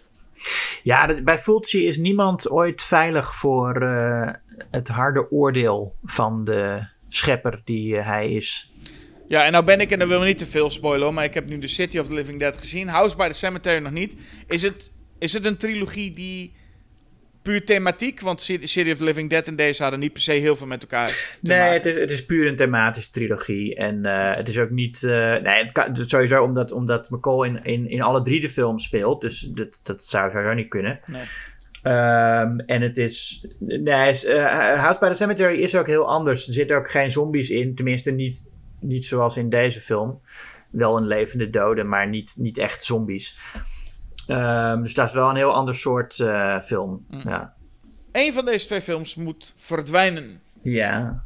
Dus jij gaat eh, Zombie 2 eh, voor goed eh, begraven, begrijp ik. Ja, omdat ik denk, ja, het is een goede zombiefilm, maar we hebben meer goede zombiefilms. En als ik denk aan wat nou uniek Fulci is en wat mij aanspreekt aan die films, dan is, eh, ja, dan, dan is dit dat toch. En ik, ik lees nu trouwens eh, net toevallig, omdat ik op die Wikipedia-pagina nog zit, om af en toe iets op te zoeken, eh, lees ik hier toevallig een citaat van Dardano, Sacchetti, de scenarist, dat ik nog niet eerder had gezien. Hij zegt in het Engels, hij zal het waarschijnlijk in het Italiaans gezegd hebben, maar het staat hier in het Engels. The hotel is an excuse, the characters are an excuse. What counted was the weaving of pure emotions. Ja, dat is inderdaad een beetje de essentie van, eh van Fulci's type horror. En ehm, ik hou daarvan. Ik, en ik, ik, en ik, ik hou ervan als de orde definitief verstoord wordt. En ik hou ervan als er personages zijn zoals Emily die kunnen bestaan buiten tijd en ruimte.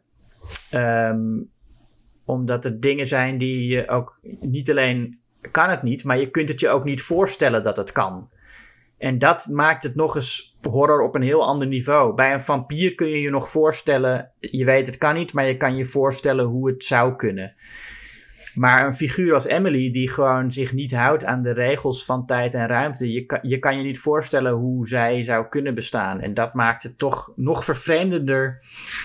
En eh, eh, ja, dat, dat is, en, en dat is ook wat, wat Fulci voor mij ook wel een unieke plek geeft. Althans, deze drie films dus. Eh, binnen de, no- meer, dan, meer nog dan Argento en Bava, die ik allebei betere regisseurs vind. Maar Fulci heeft wel echt een, een unieke plek. Ja. En, en The Beyond bewijst dat voor mij beter dan Zombie 2. Ja, ik ben het volledig eens dat de Beyond is een uniekere film. Eh, tegelijkertijd moet ik dan voor Zombie 2 moet ik wel zeggen, het is wat mij betreft een los van mijn persoonlijke voorkeuren voor een verhaal dat iets meer recht toe recht aan is. eh, is er ook zoiets als, als Richard Johnson. Wat ik, wat ik fantastisch vind in deze film. Maar is het ook dat, ik, dat je niet veel van dit soort zombiefilms sowieso meer gaat krijgen. Ehm, en zeker wat betreft zombiefilms wil ik iets als dit wel heel graag behouden. Eh, ik denk dat ik hem sowieso zelfs sterker vind dan Dawn of the Dead. Eh, en, en dat, dat dus ik, ik, wat mij betreft is het een soort ultieme zombiefilm. Ultieme Italiaanse zombiefilm. Ehm, de gore is, is, is fantastisch. De, de, de, de, zoveel memorabels zit er in die film. En dan de theme.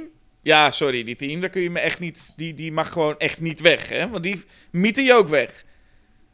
Dus je mag ook, want Ja. dat is de regel, je mag ook die theme niet meer opzetten en lekker even uit je plaat gaan. Nee, ja, nee, maar dat, dat, dat, dat, dat- daar heb ik ook eh, geen problemen mee. Voor mij is het hoe dan ook Zombie 2. Maar het gaat daar uiteindelijk helemaal niet om. Want we willen natuurlijk gewoon vooral weten of de, wat de luisteraars zou kiezen. Ja, eh, dat is inderdaad zo. En, en ik hoorde laatst, zei iemand tegen mij van, goh, daar doen jullie nooit wat mee in die... Het is nooit dat er dan, dat er dan echt gekozen wordt of zo, uiteindelijk. Dat mensen zeggen, die film bestaan allebei nog nu. Nee, dat, dat wij dan een keuze maken in de volgende aflevering. Van vorige keer hadden we het over die en die film. En de keuze is geworden. En dat we dan iets wat de luisteraar heeft besloten eh, zeggen of zo. Oh, En ik wil wel dat luisteraars gewoon gaan reageren. En misschien doen we er alsnog niks mee. Maar de, dan heb jij dat alsnog wel. eh, Heb je er zelf wel over nagedacht, luisteraar? dat is wel waar. En, en aan al die luisteraars die zeggen, doe er eens wat mee. Waar wij wel zeker vaak wat mee doen, is met suggesties. Ja, Dus we hebben al meerdere afleveringen gemaakt, puur op de suggestie van een luisteraar. Dus eh, als je denkt, deze twee films wil ik eens tegenover elkaar zetten, nou kom maar. Ja, laat maar horen wat voor ideeën je hebt. We beloven niks, maar we gaan er zeker eens eh, naar kijken. Als je, mocht je een idee hebben. Laat sowieso ook eh, eh, lekker gewoon dingen achter, hè? Ik bedoel, reacties en, en reviews en zo. Ja. En abonneer je en like onze podcast. En, nou ja, dan is. wat, wat, wat komt er volgende keer? Ja, maar we gaan naar iets waar ik zelf heel erg veel zin in heb. Eh, we gaan namelijk de beste film van eh, Quentin Tarantino bespreken. Oh. En die zetten we tegenover eh, mijn, een van mijn favoriete films aller tijden. Films die bij elkaar passen, thema, eh, thematisch gezien. Namelijk de originele To Be or Not To Be gaat tegen Inglorious Bastards. Nou, als, als, als dat je niet nieuwsgierig maakt naar onze meningen, dan weet ik het ook niet meer. Dus dat voor volgende keer. Eh, ik zou zeggen, jullie is bedankt voor het praten. Jij bedankt voor het luisteren. En ook voor het terugpraten. Precies, en de luisteraar vooral bedankt voor het luisteren en straks voor het reageren, want we de verwachten hele goede suggesties van jullie. Doe je best. Tot de volgende keer. Doeg!